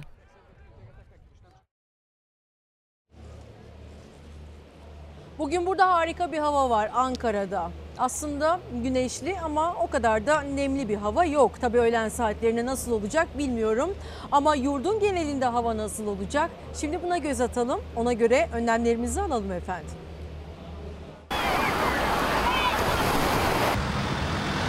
Temmuz sıcağı yurdun dört bir yanını sardı. Sıcaktan bunalanlar serinleyecek bir gölgelik aradı. Yurdun genelinde güneş kavurucu sıcaklığını koruyacak bugün ancak ülkenin kuzeydoğusu için sağanak uyarısı var. Hava tahminlerine göre yurdun geneli güneşli ya da parçalı bulutlu olacak. Sıcaklıklarda birkaç bölge dışında büyük bir değişiklik beklenmiyor. Yani güneş yine yüzünü gösterecek. Sıcaklık nemle birleşince bunaltmaya devam edecek. Meteoroloji Genel Müdürlüğü bugün için özellikle yurdun kuzeydoğusu için uyarı yayınladı. Trabzon, Rize ve Artvin çevrelerinde sağanak yağış etkili olacak. Yer yer gök gürültülü sağanak yağış görülecek 3 il ve çevresinde. Sıcaklıklar da sağanak yağışla birlikte düşecek. Sel ve su baskınlarına karşı tedbirli olmakta fayda var. Yurdun kuzeydoğusu sağanak yağışın etkisi altındayken kuzey ve iç kesimlerde güneş yüzünü gösterecek. Termometrelerde görülen değerler değişecek. Sıcaklığın 2 ila 4 derece artması bekleniyor. Doğu Anadolu'da ise öğle saatlerinden itibaren yer yer kuvvetli rüzgarların esmesi bekleniyor. Yurdun geri kalanında sıcaklıklarda önemli bir değişiklik beklenmiyor. Havaların ısınmasıyla birlikte göllere serinlemek için girenler de var. Göllere ve barajlara ve ne yazık ki bu boğulmalara sebep oluyor. Üstelik bizim ülkemizde yaz aylarında bunu çok sık görüyoruz. Şanlıurfa ve İznik'ten ne yazık ki bu sebepten dolayı acı haber geldi. Havaların ısınmasıyla acı haberler ardarda arda geldi. İki çocuk serinlemek isterken girdikleri sulama kanalında hayatlarını kaybetti. Bir baba ise iki evladını kurtarmak isterken can verdi. Çevredekilerin kurtardığı çocuklarının ise hayati tehlikesi sürüyor. Şanlıurfa'dan geldi yürek yakan ilk haber. Eyyubiye ilçesinde sıcaktan bunalan 8 ve 9 yaşındaki iki kuzen sulama kanalına girdi. Kısa süre sonra iki çocuk akıntıya kapılarak gözden kayboldu. Çocukların kaybolduğunu fark eden çevredekiler durumu hemen emniyet güçlerine bildirdi. Dalgıç polisler kanalda iki çocuğu aradı. Saatler sonra acı haberler geldi. Çocuklardan biri kanala girdikleri yerden 15 kilometre, diğeri ise 20 kilometre uzakta bulundu. İznik Gölü'nde ise 12 yaşındaki ikiz kardeşler göle girdi. Çocuklar bir müddet sonra gölde boğulma tehlikesi yaşadı. Çocuklarının tehlike geçirdiğini gören baba Mahmut Surani ve yeğeni hemen suya atladı. Çocukların bulunduğu bölgeye yüzmeye çalıştılar. Baba ve yeğeni çocuklara ulaşamadan akıntıya kapıldı. Çocuklar çevredekilerin yardımıyla gölden çıkarıldı. Gözden kaybolan Suriye uyruklu baba ve yeğeni içinse arama çalışmaları başlatıldı. Deniz polisi dalgıçları iki kişiye ulaşmak için çalıştı. Saatler sonra baba Mahmut Surani ve yeğeninin cansız bedenine ulaşıldı. Kurtarılan ikiz kardeşler ise hastaneye kaldırıldı. Çocukların hayati tehlikelerinin sürdüğü öğrenildi. Ee, Sözcü gazetesinden bir detay vermek istiyorum. Yavaştan afiyet ver çağrısı. Ee, bu aslında dün paylaşmış olduğu bir haberdi. Ankara Belediye Başkanı Mansur Yavaş ihtiyacı olanlara dağıtılmak üzere et bağışı kampanyası başlattı ve kampanyanın ilk gününde aslında e, inanılmaz bir şekilde talep oldu. E, aslında şimdi bu haberi paylaşabiliriz sizinle. Ankara Büyükşehir Belediyesi özellikle koronavirüs döneminde başlatmış olduğu kampanyalarına devam ediyor e, sürekli revize ederek ve insanların yardımlaşması için yaratıcı yöntemlerle aslında bu kampanyalarla bir e, seferberlik başlattı diyebiliriz. Özellikle içinden geçmiş olduğumuz bu zorlu süreçte. Şimdi Kurban Bayramı için işte yeni bir kampanya başladı. Mübarek Kurban Bayramı öncesinde bu kez afiyet ver kampanyamızla iyiliği bulaştıracağız. Afiyet ver diyerek Kurban Bayramı öncesi Ankara Büyükşehir Belediye Başkanı Mansur Yavaş bir kampanya daha başlattı. Afiyet ver kampanyasıyla hayırseverlerin satın aldığı konserve halindeki kavrulmuş kıyma ya da kavurmalar ihtiyaç sahiplerine ulaştırılacak. Ramazan ayında 500 bin sofrayı sıcak aş ile buluşturdunuz. Korona salgını sürecinde vatandaşa doğrudan dokunan kampanyalarla dikkat çekmişti Mansur Yavaş. İftar Ver kampanyası 4 günde hedefine ulaştı. İhtiyaç sahiplerinin bakkala, esnafa olan borcunu kapatmak için başlattığı Veresiye Defteri kampanyası da sadece Ankara'da değil tüm Türkiye'de ilgi gördü. Bugüne kadar bizlere güvendiniz. Bizler de yine gönülden gönüle köprüler kurarak iyilik kervanına bir omuz daha vereceğiz. Mansur Yavaş bir omuz daha diyerek şimdi de Kurban Bayramı öncesi afiyet ver çağrısı yaptı. Türkiye'nin dört bir yanından hayırseverler belediyenin sayfasına girip konserve halindeki kavrulmuş kıyma ya da kavurma paketi satın alabilecek. Amacımız aynı. Hiçbir anne baba eve bir şey götüremediği için çocuklarına karşı mahcup olmasın. Hiçbir çocuk besinden uzak büyümesin. Kıyma paketi 55, kavurma paketi 65 lira. O kadar bütçem yok diyenler için yarım paketler de satın alabilecek hayırseverler. Alınan her yarım pakette ihtiyaç sahiplerine bir paket olarak ulaştırılacak. Hedefimiz Eylül ayı itibarıyla yüz binlerce kavurma ya da kıymayı paketlenmiş halde ihtiyaç sahibi ailelerimize ulaştırmak, onların dertlerine derman olmak. Yavaş kampanyayı cuma akşam saatlerinde başlattı ama daha 24 saat dolmadan hayırseverler binlerce paket satın aldı. İstanbul Valiliği Ayasofya Camii'ndeki cuma namazında yoğunluğu azaltabilmek adına e, buna dönüşmesin diye bir izdihama dönüşmesin diye toplu taşıma te- seferlerini bir süre askıya almıştı ve ne yazık ki e, bunun bu durumun korkunç bir yansıması e, gerçekleşti ve gözler önüne serdi. Aslında yine bir kadına şiddet haberiydi bu. Metro makinisti Gizem Gül Topkapı Ulubatlı durağında yolculardan inmesini istedi ve karşılığında inanılmaz bir e, tepkiyle karşılaştı ve öfkeli bir grubun saldırısına uğradı. Yani bir kadın yine dayak yedi efendim. Neyse ki o grubu e, sakinleştirmeye çalışanlar da vardı ama işte bu şiddet sarmalının bir göstergesi aslında bu da. Öncelikle haberi izliyoruz. Sonrasında kadına şiddet meselesini konuşalım.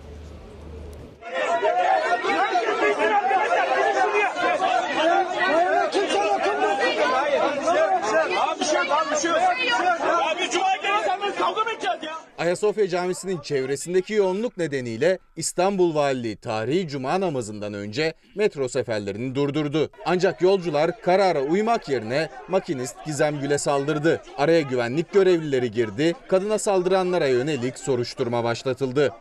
Kavga mı edeceğiz ya? Kabine git ya. Kabine git. Valilikçe alınan sefer durdurma kararını uygulayan kadın makinistimize yönelik saldırı düşündürücü ve üzücüdür. Bu olaya rağmen görevine devam eden çalışanımızı tebrik ediyorum. Saldırının görüntülerini bu sözlerle İstanbul Büyükşehir Belediye Başkanı Ekrem İmamoğlu paylaştı. Metro makinisti Gizem Gül Topkapı Ulubatlı durağında aracı durdurdu, yolculardan inmelerini istedi. Kendi de indiği an öfkeli bir grup Gül'e tepki gösterdi. Üstüne yürüdüler, köşeye sıkıştırdılar. Başka bir grup da ortalığı sakinleştirmeye çalıştı. Genç kadın her şeye rağmen metroya geri bindi. Kabine git ya. Kabine gitsin. Kabine gitsin ya. Arkadaşlar. Ya Ya sorma işin üstüne çok zor ya. Makinist Gizem kardeşimizi eşimle birlikte telefonla arayıp geçmiş olsun dileklerimizi ilettik. Bu olayı kınıyorum. Konuyla ilgili hemen inceleme başlattım. İstanbul Valisi Ali Yerlikaya da bizzat aradı Gizem Gül'ü. İnceleme devam ediyor. Hayır. Abi şey yok. Abi şey yok. Hayır. Abi şey yok. Abi şey yok. Kabine ya. Kabine gitsin. Kabine gitsin ya. Arkadaşlar. Ya Ya sorma işin üstüne çok zor ya. Ya bilerek mi yapıyorsun? Bir istatistik paylaşmak istiyorum. 2019 yılında sadece 2019 yılında 274 kadın öldürüldü. Ve son 10 yıla baktığımızda 2929 kadın cinayete kurban gitti. Aslında bu şiddet sarmalını konuşurken kadın cinayetlerinin ne kadar yükseldiğinin de bir kez daha altını çizmemiz gerekiyor ve ne yazık ki bizler bunun önüne geçemiyoruz. Önüne geçebilmek için aslında e, İstanbul Sözleşmesi'nin üzerinde durulduğunu da bir kez daha vurgulamak gerekiyor. Ama bunun için de Pınar Gültekin'in öldürülmesinden sonra bunun için sokağa dökülen binlerce kadının da darp edildiğini bir kez daha hatırlatmış olalım. Nedense bizler ne yaparsak yapalım bu şiddet sarmalının önüne geçemiyoruz. Ve bir haber, 3 büyük şirketten e, açıklama var. Koç, Sabancı ve Borusan söylememde hiçbir sakınca olmadığını düşünüyorum. İktidarın reddetmek istediği İstanbul Sözleşmesi hakkında Koç Holding, Sabancı Vakfı ve Borusan ayrı ayrı açıklamalar yaptı.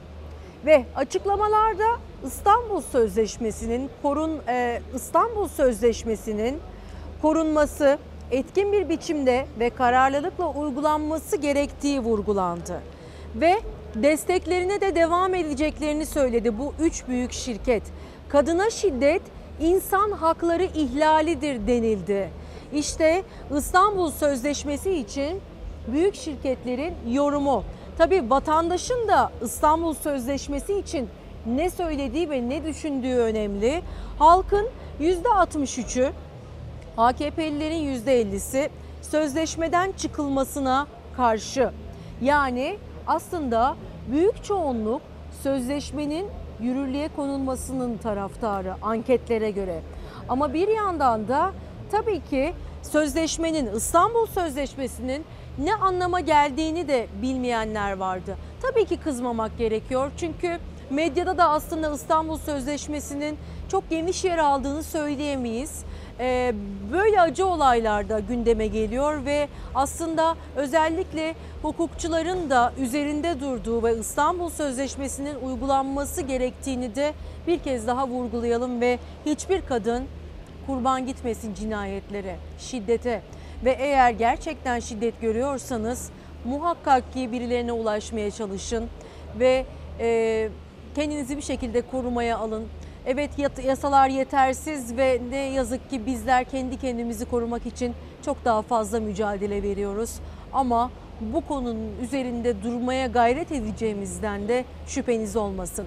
Şimdi kısa bir reklam arası vereceğiz. Reklam dönüşü Sözcü gazetesi yazarı Deniz Zeyrek ve Ankara temsilcimiz Tülay Önal Üç'ten yorumlarıyla burada olacaklar. Hem siyasi gündemimizi yorumlayacaklar hem de kurultayda ikinci gününde neler yaşanıyor onu paylaşacaklar. Yeniden birlikteyiz efendim. Yeni açananlar için tekrar günaydın dileklerimizi iletiyoruz. Bugün günlerden pazar saat 10'u çeyrek geçiyor ve tarih 26 Temmuz 2020. 37. CHP olağan kurultayının ikinci günündeyiz. Dün genel başkan seçildi. Bugün de parti meclisi üyeleri belirlenecek. Ee, aslında parti meclisi üyeliğinde yarışan delegeler sabaha dek bir kulis trafiğindeydi. Herkes kendi ismini ön plana çıkarmaya çalıştı. Ama tabii ki bunu konunun uzmanlarına Deniz Zeyrek, Sözcü Gazetesi yazarı Deniz Zeyrek burada ve tabii ki Ankara temsilcimiz Tülay Önal Öç'ten burada. Günaydın Tülay abla, günaydın, Günaydın, Deniz kolay Bey. gelsin, iyi yayınlar. Keyfiniz nasıl? Ee, aslında keyfimiz e, güzel, Ee, kurultay e, havası. Tabii Ankaralı gazetecileri hep heyecanlandıran bir durumdur bu. Ee, keyfimiz güzel, tabii heyecan devam ediyor çünkü bugün e, e, CHP'nin klasik o alışılmış parti meclisi yarışı e, o trafiği artırdı. Dün geceden itibaren e, kulisler daha da hızlandı. Pek çok e, haber kaynağımızı arıyoruz mesela. Sabaha karşı bu trafik sürmüş, sabaha kadar sürmüş. Evet. Dolayısıyla e, birazdan işte ondan sonra tekrar e, PM adaylıkları için bir e, trafik başlayacak. E, tabii herkesin gözü e, Kılıçdaroğlu'nun listesinde. Anahtar liste mi deniliyor Anahtar ona? liste deniliyor. Peki. Bir de anahtarın anahtarı oluyor. Anahtarın- Maymuncuk. Anahtarın anahtarı oluyor. Ee, Şimdi Kılıçdaroğlu'nun listesinin e, 12 gibi, 12.30 gibi, yarım gibi e, biz ortaya çıkmasını bekliyoruz. Tabii o listeye kimler girdi, kimler girmedi. Aslında Deniz dün geceden beri... e, Ben dün bir- birde gittim eve. Öyle mi? Ote- otellerde dolaştım bayağı bir. Otellerde neden? Çünkü delegelerin kaldığı otellerden dolaştınız. Evet, Lobilerde evet. kulis Evet. bilgisi topladınız. Şöyle kulisin ötesinde şimdi bu, bu. CHP kurultaylarında belli gruplar olur. O gruplar başkalarının e, meclis parti meclisine girmesini istemezler. E, Çizme e, operasyonları yaparlar. Dün gece bazı il başkanları, bazı işte yöneticiler bazı isimleri çizmek için delegeleri yakın markaja almıştı. İşte il başkanlarını yakın markaja almıştı. E, Bugün büyük ihtimalle mesela e, Sayın Kemal Kılıçdaroğlu'nun anahtar listesinde olan bazı isimler büyük çizikler yiyebilir. Öyle bir hissiyata kapıldım. E, Bu arada şimdi e, aslında hani Kemal Kılıçdaroğlu ya da yönetime yakın isimlerin yanı sıra bir de muhaliflerin çıkarabileceği bir listeden konuşul e, bahsediliyor. Doğru liste Evet. çıkaramazlar ama şöyle bir şey yapabilirler. Ee, yani mevcut liste çarşaf liste olduğu için oradaki bir isimden daha çok oy alan e, aday e, listeye girebiliyor. Yani Kemal Kılıçdaroğlu'nun listesini delebiliyor. Yani yaklaşık işte 1000 1365 delege var galiba. Onların işte yarısından fazlasını bir fazlasını alan e, girebilir. Bir de çiziklerden dolayı mevcutların önüne geçebilirler. Yani bu kadar oy Geçen almadan da çok yaşadık bunu mesela. Ee, dün gece onun trafiği vardı. onun trafiği vardı. Yani- Ve siz de uykusuzsunuz tabii. Hatta e, Canan Kaftancıoğlu, İstanbul İl Başkanı Canan Kaftancıoğlu konuğumuz olacaktı. Ulaşamadık çünkü e, Sabaha karşı. sabaha karşı uyumuş. E, neyse gelebilecek yetişirse Ben eğer mesela bitmeden. gece bir gibi falan Canan Hanım da e, il başkanlarıyla görüşmeler yapıyordu mesela. Yani bir bire doğru falan. Peki Hani- sürpriz isim var mı? Ele geçirdiğiniz listeden isimler Valla var mı? bende bazı tiyolar var vereyim ama hani bu e, kesinleşmemiş. Sadece kulislerde konuşulan.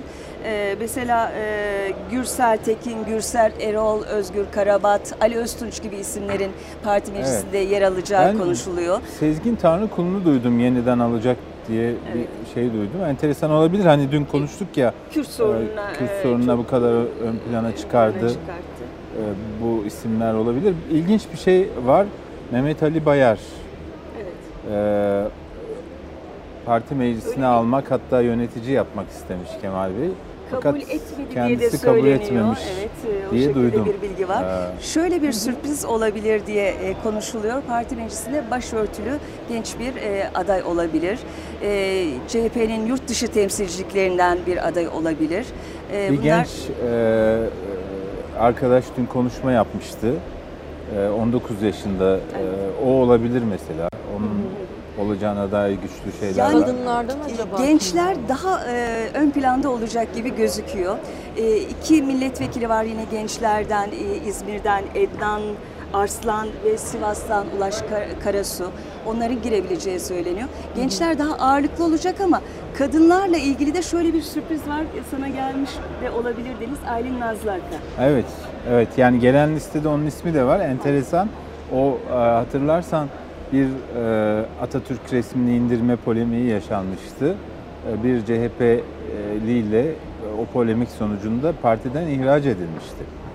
Ve sonra tekrar dönmüştü. Dönmek için çok çaba sarf Evet, etti. şimdi tekrar hatta buraya gelirken Bilkent yoluna girildiğinde ODTÜ kavşağında devasa bir Aylin Nazlı Aka e, posteri var. Kurultayımıza hoş geldiniz. Böyle sanki İlk- partinin ilk- genel evet. başkanı gibi. Kurultaya Yeniden. gelenleri e, ilk öncelikle Aylin Nazlı Aka'nın o posteri karşılıyor. Yani Kemal Bey'den önce Aylin Na- Nazlı Aka'nın posteri var yolda. Kim astırdı acaba posteri? Bilmiyorum da kendileri yapmıştır Kendileri herhalde. Kendi ekibinin bir çalışması. Ama ilginç Evet. olabilir. Yani Aylin Na- Nazlı Akan'ın e, yeniden ihraç sürecinden sonra yeniden parti meclisine girmesi önemli bir gelişme olur. Evet. Eğer gerçekten bir, bir dolaşan bir 30 kişilik liste var. E, arandılar bu isimler diye. E, o listede Aylin Nazlı Akan'ın ismini gördüm ben. Bir de 60 kişilik listenin e, meclis üyelerinin yani parti meclisinin 50'sinin değişeceği konuşuluyordu. Yok, O zaman o kadar değişmez. Evet. Yani en azından mevcut yönetimdeki MYK'daki bazı isimlerin kalacağı anlaşılıyor. Hı hı. Ee, Genel başkan yardımcıları Onların Değişir. bir kısmı değişebilir. Yani listeye koymadığı söylenen genel başkan yardımcıları var. mesela kimler? Ee, İsim vermek aslında is- doğru isim olur mu? vermek e, doğru olmaz ama e, belki şöyle bir kriter göz önünde e, tutulmuş olabilir. E, Yerel seçimlerde bulundukları illerdeki başarı oranları Hmm. e, göz önünde alınmış olabilir. E, Yani 3-4 isimden bahsediyor bahsediyor. Şu an genel başkan yardımcısı olan ama e, e, Kılıçdaroğlu'nun listesinde e, yer alamayacak olanlar şeklinde. Peki parti meclisi e, gerçekten aslında en önemli ayağı bir partinin. Tabii. Yönetim e, oradan çıkıyor. Yönetim, bütün kararlar oradan çıkıyor. Ama bir kez daha acaba vurgulasak mı seyircilerimize de neden bunun bu kadar önemli olduğunu? Şöyle, e, şimdi e, siyasi partilerde şöyle bir sistem var. En büyük karar alıcı kurultay, genel kurul. Yani delegelerin oluşturduğu genel kurul her şeyin üstünde siyasi partilerde. Onun altında o genel kurulun seçtiği parti meclisi var. Parti meclisinin e, içinden çıkan MYK var. MYK'dan çıkan genel başkan var. Genel başkan genel kurulda ayrıca doğrudan seçilir. Yani böyle bir hiyerarşik e, organlar e, var siyasi partilerde. Mesela CHP'de parti meclisidir. E, AK Parti'de Merkez Karar Yürütme Kurulu'dur mesela. Oradan bir de Merkez Yürütme Kurulu çıkar. Yani bütün sistemde partinin meclisidir MYK, e, MKYK dedikleri sağ partilerin. Dolayısıyla her karar mesela milletvekili listeleri e, parti meclisinde kararlaştırılır. Yani e, CHP'de böyle bir durum var. Parti meclisi mesela bazı milletvekili adaylarına, belediye başkanı adaylarına geçit vermemişti. Hatırlar mısın? E, İstanbul'da, İzmir'de bazı belediye başkan adayları parti meclisinde yapılan oylamalarda yeterince o- o- oy alamamışlardı. E, sonuçta Kılıçdaroğlu şöyle bir yöntem bulmuştu. Parti meclisinden belediye başkanlarını belirlemek için yetki almıştı. Yani parti meclisinin onayı olmadan bu süreç tamamlanamıyor. Bu kadar kritik bir kuruluş. Yani bu, bu kurul- o nedenle de partinin en kıymetli yeri olduğu için herkes girmek istiyor. Ben gelirken sordum 3000 civarında başvuru varmış. Yani 60 kişilik parti meclisine Aslında her kurultayda böyle olur. Yani çok e, talep edilen bir e, organ, çok e, e, talep edilen bir kurul. Dediği gibi Deniz'in altını çizdiği gibi e, hem parti politikalarını belirliyor, sö- e, orada söz sahibi oluyor hem de milletvekili e, adaylıklarının belirlenmesinde önemli. E, tabii bir de yeni dönemde e, Kılıçdaroğlu çıtayı çok yükseltti. İktidara yürüyoruz artık dedi. Dolayısıyla e, o ekipte yer almak herkes için e, çok prestijli bir e, konum olacak. Ama şöyle bir şey, dün mesela e, Kılıçdaroğlu bir reçete verdi. O reçetenin uygulanması ve onun da e, iletişiminin çok iyi yapılması, Tabii. tabana e, 83 milyona çok iyi anlatılması lazım. O yüzden belki iletişim yeteneği daha da güçlü olan e, isimler de ön plana çıkacak Tabii. bir süreçte. Yani popülariteye Evet. de bakılacak. Herhalde popüler isimler göreceğiz. Yani hiç adı sanı duyulmamış insanlardan oluşan bir parti meclisi iktidar iddiasını çok fazla karşılayamayabilir. Bir de mesela her aç şimdi Kılıçdaroğlu 5 sorun saydı. Ekonomi, eğitim, işte dış politika, toplumsal barış vesaire. Bu alanlarda proje üretebilecek isimler de lazım. Evet. Biraz ona göre tercihler yapılıyor. Hatta e, Kılıçdaroğlu neler saydı demişken Deniz Bey, e, CHP'nin ilk kurultay gününe gidelim diyoruz. E, dün neler yaşandığına aslında bir kulak vermek gerekiyor. E, Kılıçdaroğlu 13 maddelik bir e, iktidar manifestosu açıkladı dün ve ardından konu başlıklarını sıralayarak gitti. Politikadan eğitime kadar, ekonomiye kadar her türlü başlık vardı ve e, Kürt sorununun çözümü için aslında meclisi işaret etti. Millet ittifakı demedi ittifaklarına. E, dostlarımızla birlikte alacağız dedi. Dikkat çekici cümlelerdi bunlar. Ama başka sözleri de vardı. Öncelikle hatırlayalım sonrasında yine yorumlamaya devam edecekler. Hukuk, adalet mücadelemizde önümüzdeki ilk seçimlerde dostlarımızla birlikte iktidar olacağız. Bunu bir sefer bir tarafa yazacağız.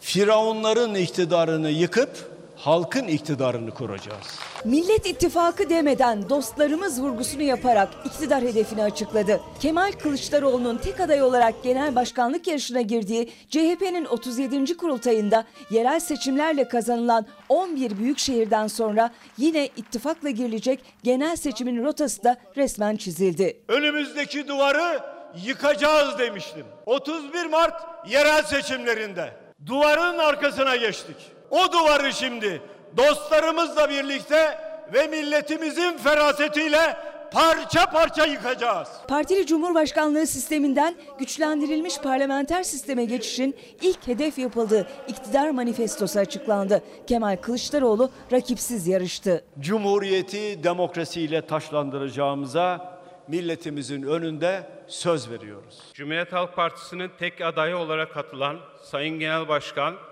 Kemal Kılıçdaroğlu 1251 geçerli oy alarak Cumhuriyet Halk Partisi'nin genel başkanı seçilmiştir. Korona virüs gölgesinde yapıldı CHP kurultayı seyirci alınmadı. Kürsüye gelen CHP lideri Kılıçdaroğlu 13 maddelik iktidar manifestosunu açıkladı. 2023'te başlayacak Cumhuriyet'in ikinci yüzyılı için yapacaklarımız diyerek açtı başlığı.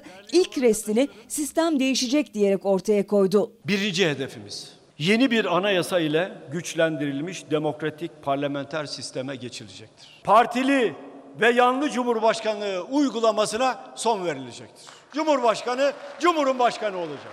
Tarafsız olacak. Samimi olacak. Ahlaklı olacak. Dürüst olacak. Aldatılmayacak. Kandırılmayacak.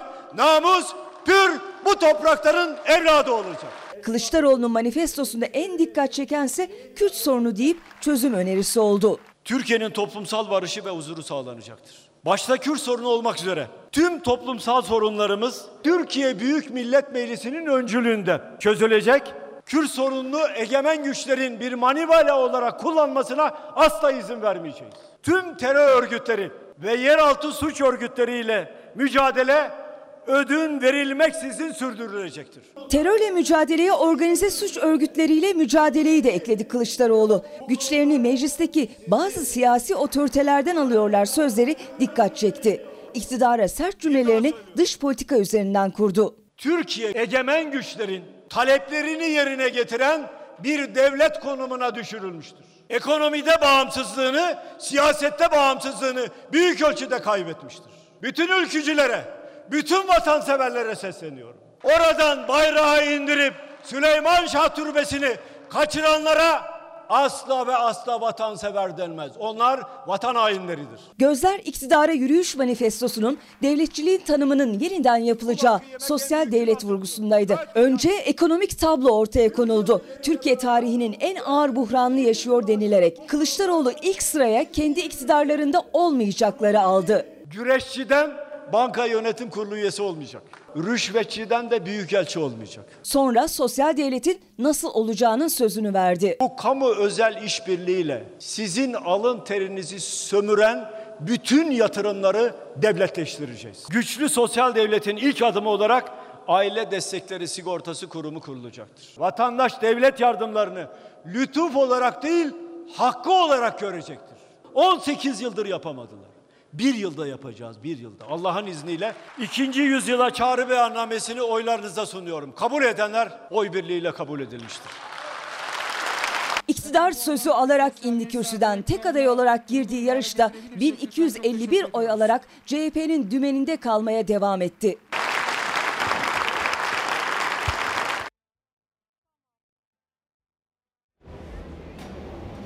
İşte iktidar manifestosunda Kılıçdaroğlu bu mesajları verdi. Tam bir saat sürdü. Hatta belki de bir saati bile aşmış olabilir konuşma. Biz o anlarda notlarımızı alıyorduk. Tabii ki siz not alırken analiz de yapıyordunuz. Ben not alıyordum, siz analiz yapıyordunuz. Dedikodu yapıyorduk. Doğan Şentürk, Deniz Zeyrek ve Tülay Öşten dedikodu yapıyordu. Peki. Ama siyasi dedikodu Tabii öyle şey değil. Yani dedikodu. kim girer, Analiz. kim çıkar, kim genel yani şimdi Kemal Bey bir manifesto açıkladı 13 Evet. maddelik şeyde. Çok iddialı konular var. Mesela Orta Doğu'da barış işbirliği e, Teşkilatı. teşkilatı kurmak istiyor. OBİT diye. E, bunun için çok iyi bir diplomasi kadrosu lazım. Şimdi CHP'de kim var? Ee, Ünal Çeviköz var ee, yönetimde eski diplomat, büyükelçi. O kalacak mı, gidecek mi mesela? Hı hı. Yani o, o dış politikayı kim yönlendirecek CHP'de? Kılıçdaroğlu dış politika uzmanı değil. Evet. Onun için kadrolar lazım. Mesela ya da kimlerle destekleyecek kalacaksa. Tabii. Mesela ben Ee, Mehmet Ali Bayar ismini onun için önemsemiştim. Ufku açık eski bir diplomattır. Politik duruşu da vardır. Dolayısıyla hani o gelseydi bu Orta, Orta Doğu Barış İşbirliği Teşkilatı gibi e, parti dış politikasını da bir değişime gidecek gibi bir sonuç çıkarabilirdim. Ama mesela Ünal Çeviköz kalacak mı? O giderse yerine kim gelecek? Eski bir büyükelçi olacak mı? Bunlar önemli. Ya da ekonomide diyelim. Faik Öztürk büyük ihtimalle kalacak. Ama Faik Öztürk ekonomiden çok sözcü olarak karşımıza olarak. çıktı. Ee, yani belki ekonomi o pozisyonu değişebilir. e, Evet. önümüzdeki işte hazine günlerde. kökenli Aykut Erdoğdu olacak mı mesela yönetimde Ee, bu aile programı vesaire aile sigortası açıkladı. Aile sigortasının e, arka planını kim dolduracak? Nasıl bir ekip kurulacak? Yani burada sonuçta parti meclisi ve parti meclisinden Kemal Kılıçdaroğlu'nun seçeceği yönetim kurulu bir çeşit gölge kabine olacak. Ve seçime kadar her alanda işte tarımda çok iddialı konuştu. Bir tarım bakanı, gölge tarım bakanı olacak mı mesela? Kim olacak? Belki de o bu bugün belirlenecek olan parti meclisinin içerisinden biz bakanların çıktığını göreceğiz. Aslında e, CHP'de bu gölge kabine olayı hep telaffuz edilir ama e, çok da Evet. bugüne kadar hani o sıkı sıkıya takip edilmedi. Belki hani bundan sonra 2023 e, ya da olası bir e, erken seçim için oluşturulacak e, kadrolarda ya da politikada o gölge kabine daha aktif olarak devreye girebilir. Kişisel görüşüm girmesi de gerekiyor. Çünkü hani iktidar, iktidar artık hedef. Tek hedef iktidar. Gerçekten Dolayısıyla- iddialı görüyor musunuz Tülay Hanım? Ben dün öyle bir izlenim edindim. Yani Kılıçdaroğlu bilmiyorum kaç kez telaffuz etti konuşmasında ama o iktidar, iktidara yürüyoruz dediği anlarda heyecanın e, ve nabzının yükseldiğini e, hem kendisinin heyecanının yükseldiğini hem de karşı tarafa da o duyguyu geçirmek için e, özel e, e, altını çizdiğini e, hissediyorum ben. Dün mesela bir restoranda da Büyükşehir Belediye Başkanları toplanmıştı. 11 Büyükşehir Belediye Başkanı var CHP'de. Dün Ekrem İmamoğlu da burada söyledi.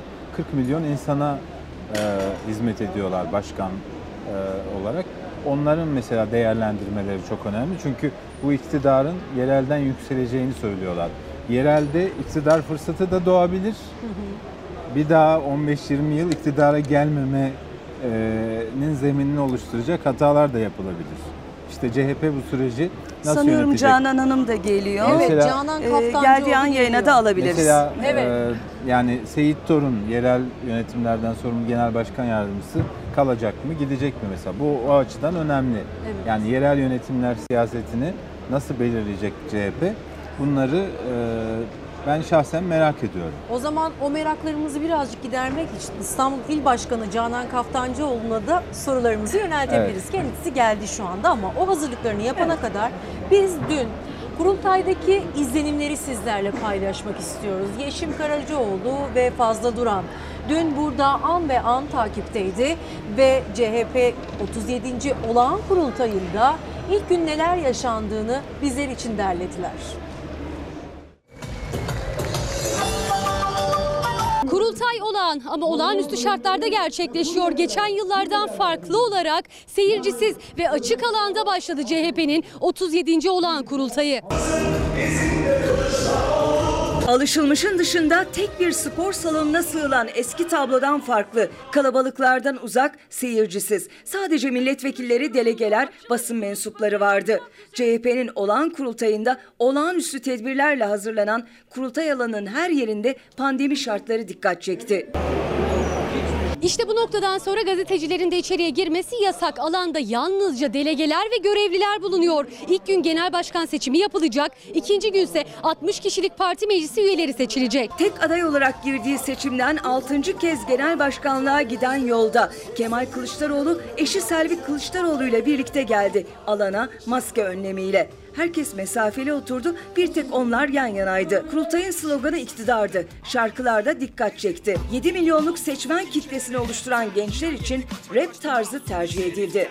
Topun izinde yürüyoruz iktidara Şafak yok herkes yanımızda Hak, hukuk, adalet Hedef iktidar sloganı hem dillerde hem de pankartlarda yerini aldı. Kurultay müziğinde yapılan vurguysa iktidarın yolu Kılıçdaroğlu. Yerelden genele halkımızla Yürüyor iktidara. Kılıçdaroğlu Kılıçdaroğlu'nun karşısına çıkmak için 3 aday adayı vardı ama 3 isim de delegeden yeterli imzayı alamadı, aday olamadı. Çıkışımız soldadır, sosyal demokrasidedir. Alanda atılacak her adım planlıydı. Delegeler için 4000 koltuk vardı ama sosyal mesafe koşuluyla sadece 1356 delege oturacaktı. Basın mensupları onur üyeleri için de ayrı ayrı yerler hazırlandı. Toplamda 5 salon 9000 metrekarelik dış alanla 150 ton çelik konstrüksiyonun kullanıldığı bir kurultay kent oluşturuldu. Gazeteciler ise bu bulunduğumuz noktadan kurultayı an be an takip ediyorlar. Konuşmalar içinse gözler bu kurulan dev ekranda.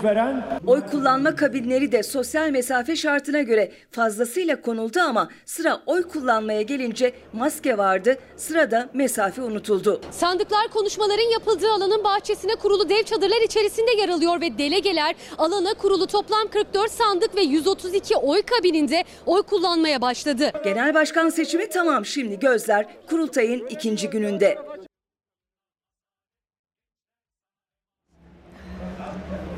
Korona gölgesinde kurultay işte böyle gerçekleşiyor ve bugün parti meclisi belirlenecek.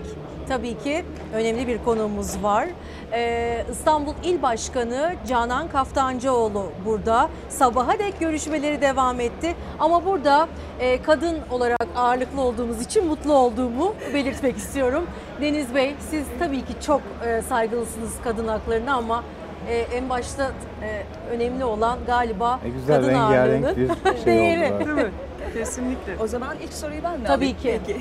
Canan Hanım hoş geldiniz tekrar. Ee, Hoş bugünkü bulduk. kurultaydan daha doğrusu parti meclisinden ne bekliyorsunuz? Nasıl bir yönetim oluşsun istiyorsunuz? İstanbul delegesinin nabzı bu anlamda Evet. nasıl atıyor? Şimdi öncelikle bugünkü parti meclisine geçmeden önce aslında dün gerçekleştirdiğimiz kurultayımızın birinci gününe değinmek isterim ben. Hakikaten e, hedef iktidar diye dün gerçekleştirdiğimiz ve genel başkanımızın yeniden e, rekor oyla saç- seçildiği kurultayda biz aslında hem İstanbul delegasyonu olarak hem tüm Türkiye delegasyonu olarak ve tahmin ediyorum ki dün burada hissedilen atmosfer nedeniyle e, tüm Türkiye'deki vatandaşlarımızın hakikaten bu ülkede bir şeylerin e, değişeceğini, yolunda gitmeyen birçok şeyin düzeleceğini hissettiği bir kurultay yaşadık. Ve Genel Başkanımızın ikinci yüzyıl beyannamesi dediği ve 13 maddeyle açıkladığı ve her bir maddesinin altı hakikaten e, doldurulabilir maddeleriyle birlikte e, içimiz bir kez daha umutlu oldu.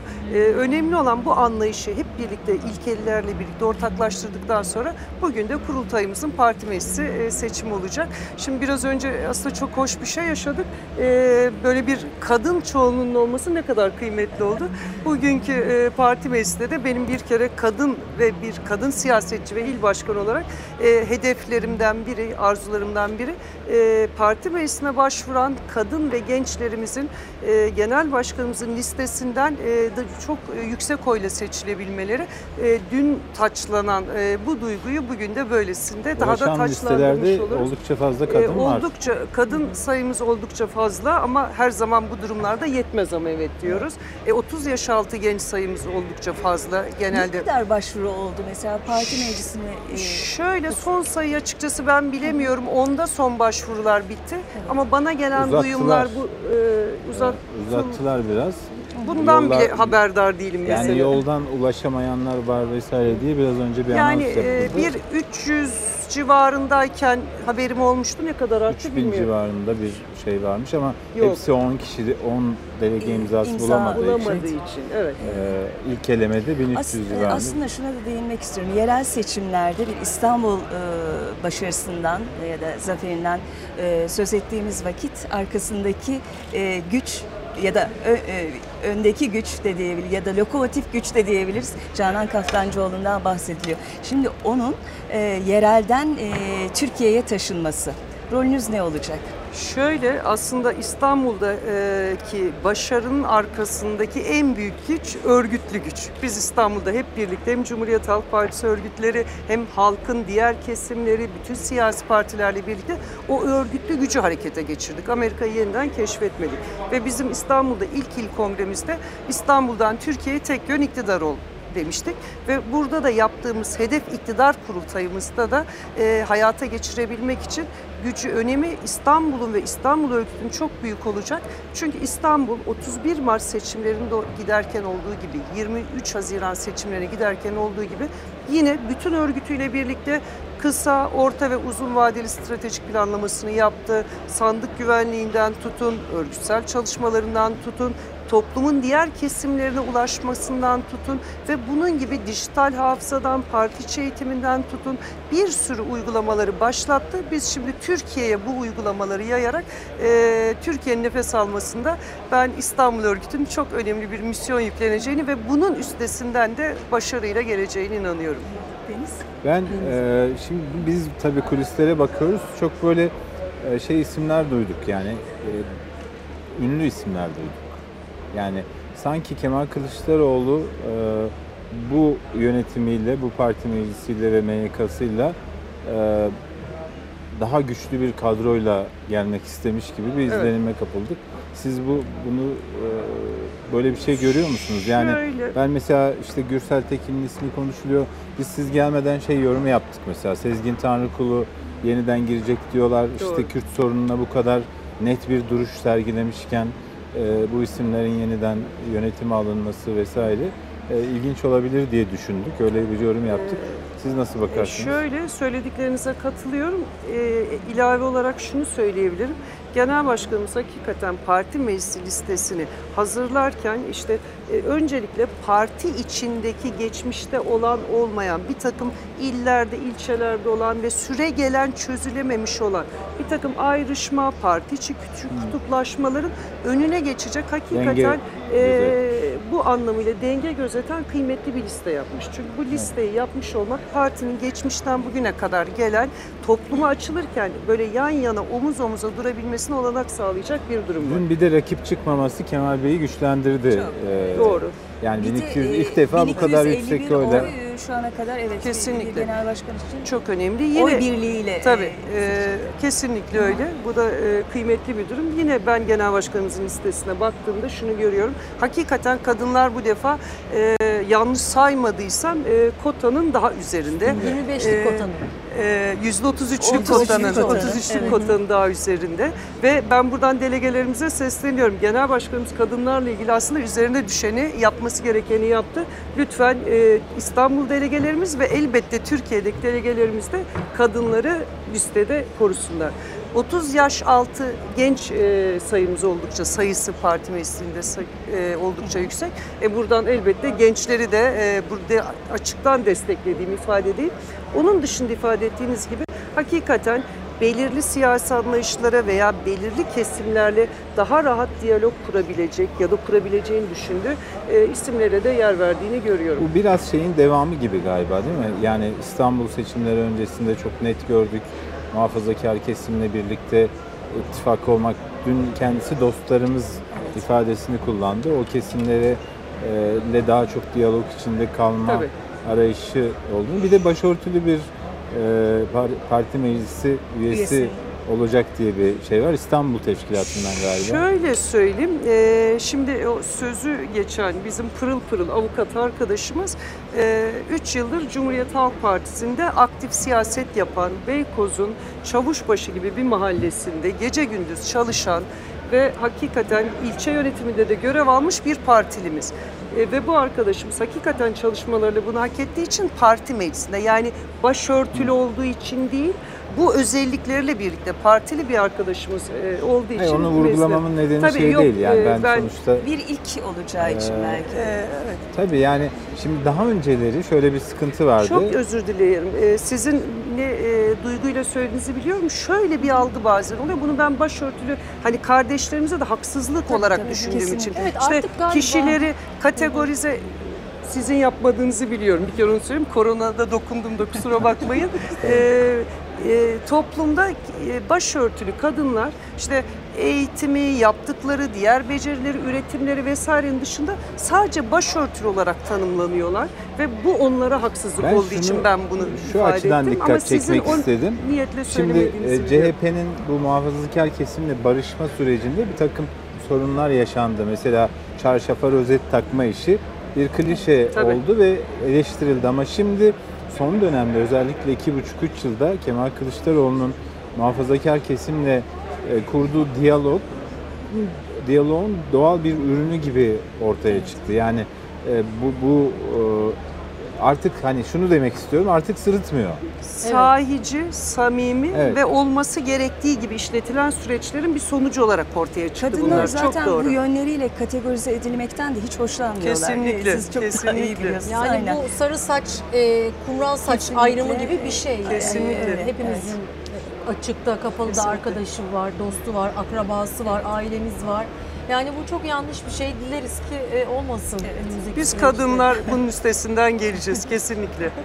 Deniz Bey sizden Evet. bir soru alalım bir Şimdi ben ben olarak. yeni C- yani bugün buradan çıkacak CHP bir iktidar mücadelesi verecek 2023'te. Ee, biraz önce siz gelmeden önce konuştuk. Yerelden yükselen bir iktidar arayışı görüyorum. Ee, belediye başkanlarının hata yapmaması gerekiyor. Kesinlikle. Yani bu bu konuda e, güçlü bir yerel yönetim e, ağı da oluşturulması gerekiyor.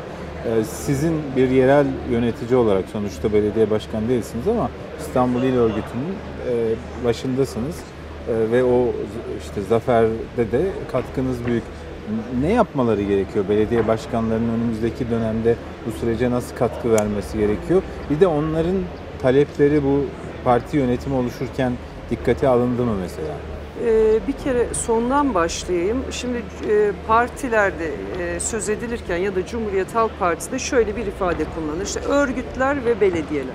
Halbuki bu ifade zaman içinde oluşturulmuş bir durumdur. Çünkü belediyeler yani belediye başkanlarımız da örgütün bir unsurudur.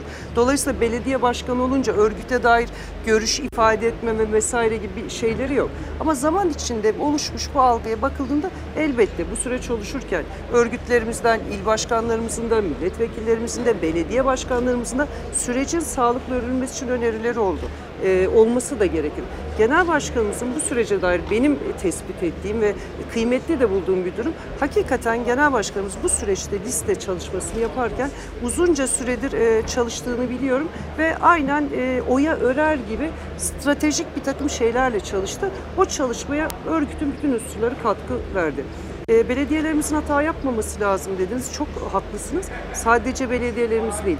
Cumhuriyet Halk Partisi'nde siyaset yapan, bugün üye olmuş e, herhangi bir üyemizden genel başkanımıza kadar il başkanlarımızın, ilçe başkanlarımızın, milletvekillerimizin hiçbirimizin hata yapmama gibi bir hata yapma gibi bir lüks olmadığı gibi çok büyük sorumluluklarımız var. En büyük sorumluluğumuz hep beraber çalışmak ama çalışıyormuş gibi yaparak değil, belediyelerimiz hakikaten merkezi yönetimle değil ama çalışmalarının merkezi koordinasyonunda sosyal demokrat belediyecilik yaptıklarında, hakikaten halka hizmet ettiklerinde ve engellemelere rağmen bir şekilde çözüm bularak o vatandaşa hizmeti götürdüklerinde emin olun vatandaş bunu görüyor. Ve belediyelerimiz bu yönde yoğun bir çaba sarf ediyor. Örgütlerimize gelince belediyelerimizin yaptıkları işleri, kendi örgütsel çalışmalarımızı ve siyasi çalışmalarımızı, partimizin politikalarını ve yapacaklarını geleceğe dair e, iktidara geldiğinde hep birlikte neler yapacaklarımızı sahici, samimi, inanmış bir şekilde. Çünkü benim çok iddia ettiğim bir şey var. Kendimiz inandığımız şeyi, anlattığımız şeye biz inanıyorsak eğer karşımızdakini ikna etmemiz mümkündür ve bunu yapabildiğimizi de görüyoruz. E, çok yakında bu ülke bu yaşadığı zulümden kurtulacaktır diyorum. Vaktimiz var mı?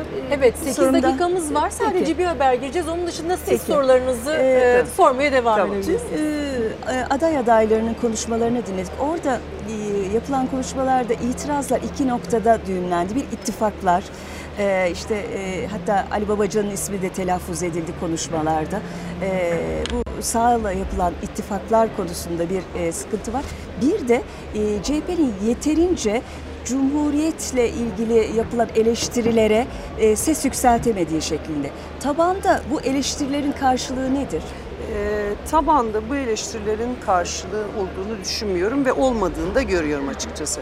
Şimdi Cumhuriyet Halk Partisi kurulduğu ilk günden itibaren programı, ilkeleri, mücadelesi, tarihi ve bu mücadeleyi nasıl gelecek kuşaklara aktarmak e, sürekliliğini sağladığını bildiğimiz bir parti. Dolayısıyla Cumhuriyet Halk Partisi'nin bugün gelinen Türkiye ve dünya siyasetine bütüncül olarak baktığımız ittifaklarla yürütülen ve bu zorunlulukla yürüyen bir süreçte ittifak yapıyor olması 50 artı bir oyla seçilmek durumundaysanız eğer yani yapılan ittifakları bugünden belki yarın Türkiye siyasetinin bir takım dengeleri değişecek, ittifaklarınız değişecek, iktidardaki ittifaklar belki değişecek, ittifaklar bozulacak, belki yeniden başka başka durumlar ortaya çıkacak.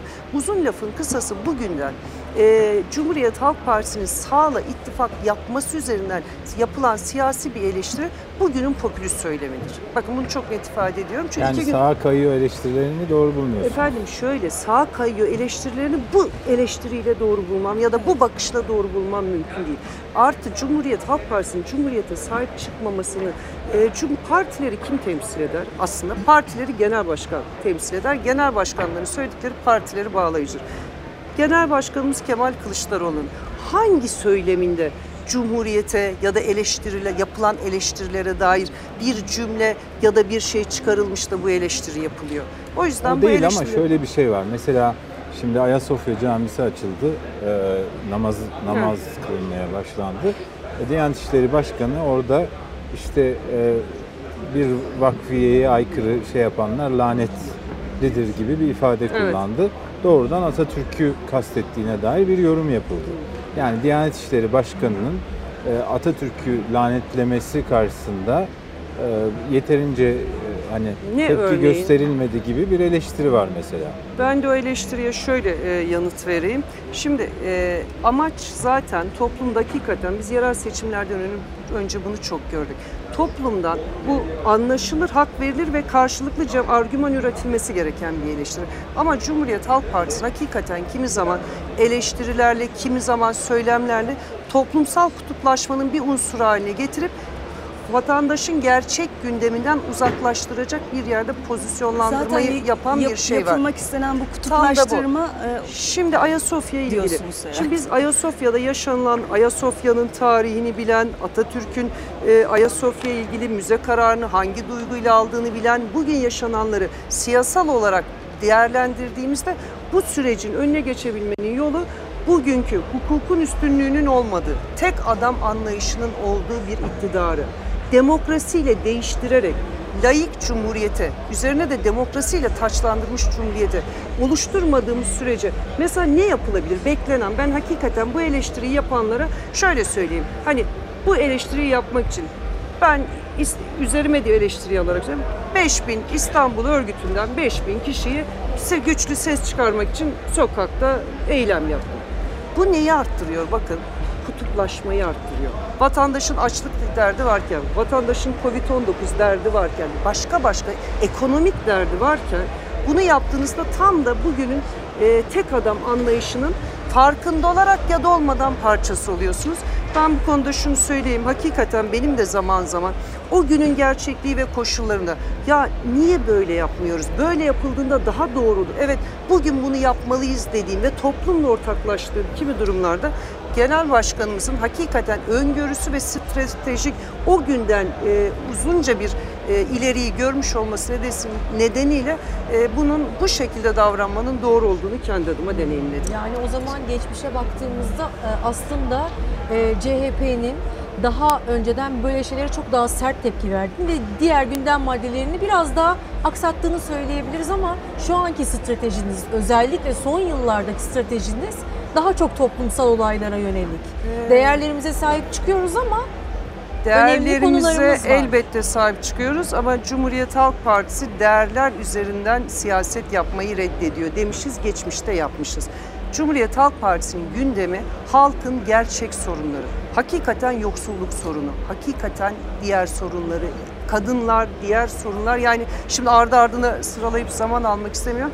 Halkın, vatandaşın gerçek sorunlarını çözdüğümüzde zaten bugünün siyasi iklimi ve iktidar değiştiğinde bu söylediğiniz şeyleri üstesinden Yani şöyle bir şey var. gelecek. e, Ben Yani öyle özetliyorum. Laiklik e, laiklik ön plana çıkarılarak ikti- iktidara gelemezsiniz ama iktidara gelirseniz laikliği Laikliği- koruma ve e, daha demokratik bir şekilde uygulama şansınız olur gibi bir şey Kesin. çıkarıyorum. Şöyle, e, laiklik Cumhuriyet Halk Partisi'nin değişmez ilkelerinden biridir.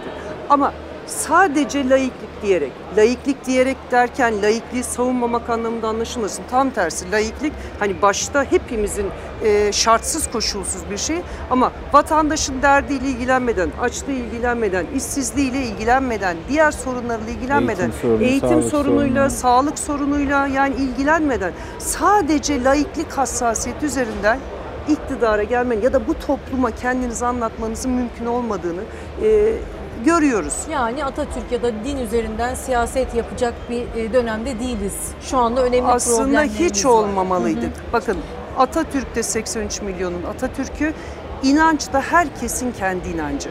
Bu değerler üzerinden siyaset yapmak kadar bu topluma büyük bir kötülük Evet, yoktur. değerler zaten anayasamızın e, Değişmez. Birileri değiştirmeye kalkıyor. Hep birlikte bunu değiştiremezsiniz, değiştiremezsiniz demek yerine vatandaşın gerçek duygularıyla, sorunlarıyla bir bağ kurup işte değişemez hale getirmenin mücadelesini vereceğiz Evet. hep beraber. O zaman çok teşekkür edelim. Ee, Tülay Öç'ten Ankara temsilcimiz Çok ve ederim. Sözcü gazetesi yazarı Deniz Zeyrek yorumcumuz. Ee, sorularını yönelttiler size Canan Hanım. Bu yorgunluğun içerisinde e, geldiğiniz için çok teşekkür ediyoruz. Ben çok, önemli teşekkür ederim. verdiniz. Ee, birkaç saat uykuyla olunca açıkçası zorlandım böyle da. E, Klasik CHP şeyini de çok fena yıkmışız zaten. Evet. Böyle bir Renkler hiç uymuyor ama bakın. Yok yok yani Biz şey Türk bayrağı. şey olarak diyorum hani çok alışırız kadın bile olsa lacivert Evet. şey e, Spor ayakkabıları, tişörtüyle Evet. e, gayet doğal bir şekilde burada bir İstanbul Olduğumuz gibi, olmak zorunda hissettiğimiz gibi değil. Bütün kadınlar öyle olursa, bütün siyaset böyle olursa, hangi siyasi partide olursa olsun, bütün toplumda bu şekilde algılamaya başlarsa bu ülkede hiçbir sorun kalmayacağını ben görüyorum ve bunun olacağını da hissediyorum hakikaten. Peki. Çok teşekkür Çok ederim. teşekkür çok sağ olun. ediyoruz. Görüşmek Çok sağ üzere. olun. Sağ olun. Şimdi bizden bir haber var. Ee, Fox Haber muhabiri Gökhan Mısırlı ve kameraman Akif Balıkçıoğlu bir ödül aldılar. Pandemi döneminde biliyorsunuz ki medya çalışanları, haberciler hiç ara vermedi. Halen de yoğun şartlar altında sizlere haberleri aktarmaya çalışıyoruz. Bir plaketle ödüllendirildik. Çok teşekkür ediyoruz ve tebrik ediyoruz arkadaşlarımız. Fox TV ile devam ediyoruz. Akif Balıkçıoğlu. Formunu koruyan bir başka isim. Sevgili Gökhan Mısır'la alkışlarla.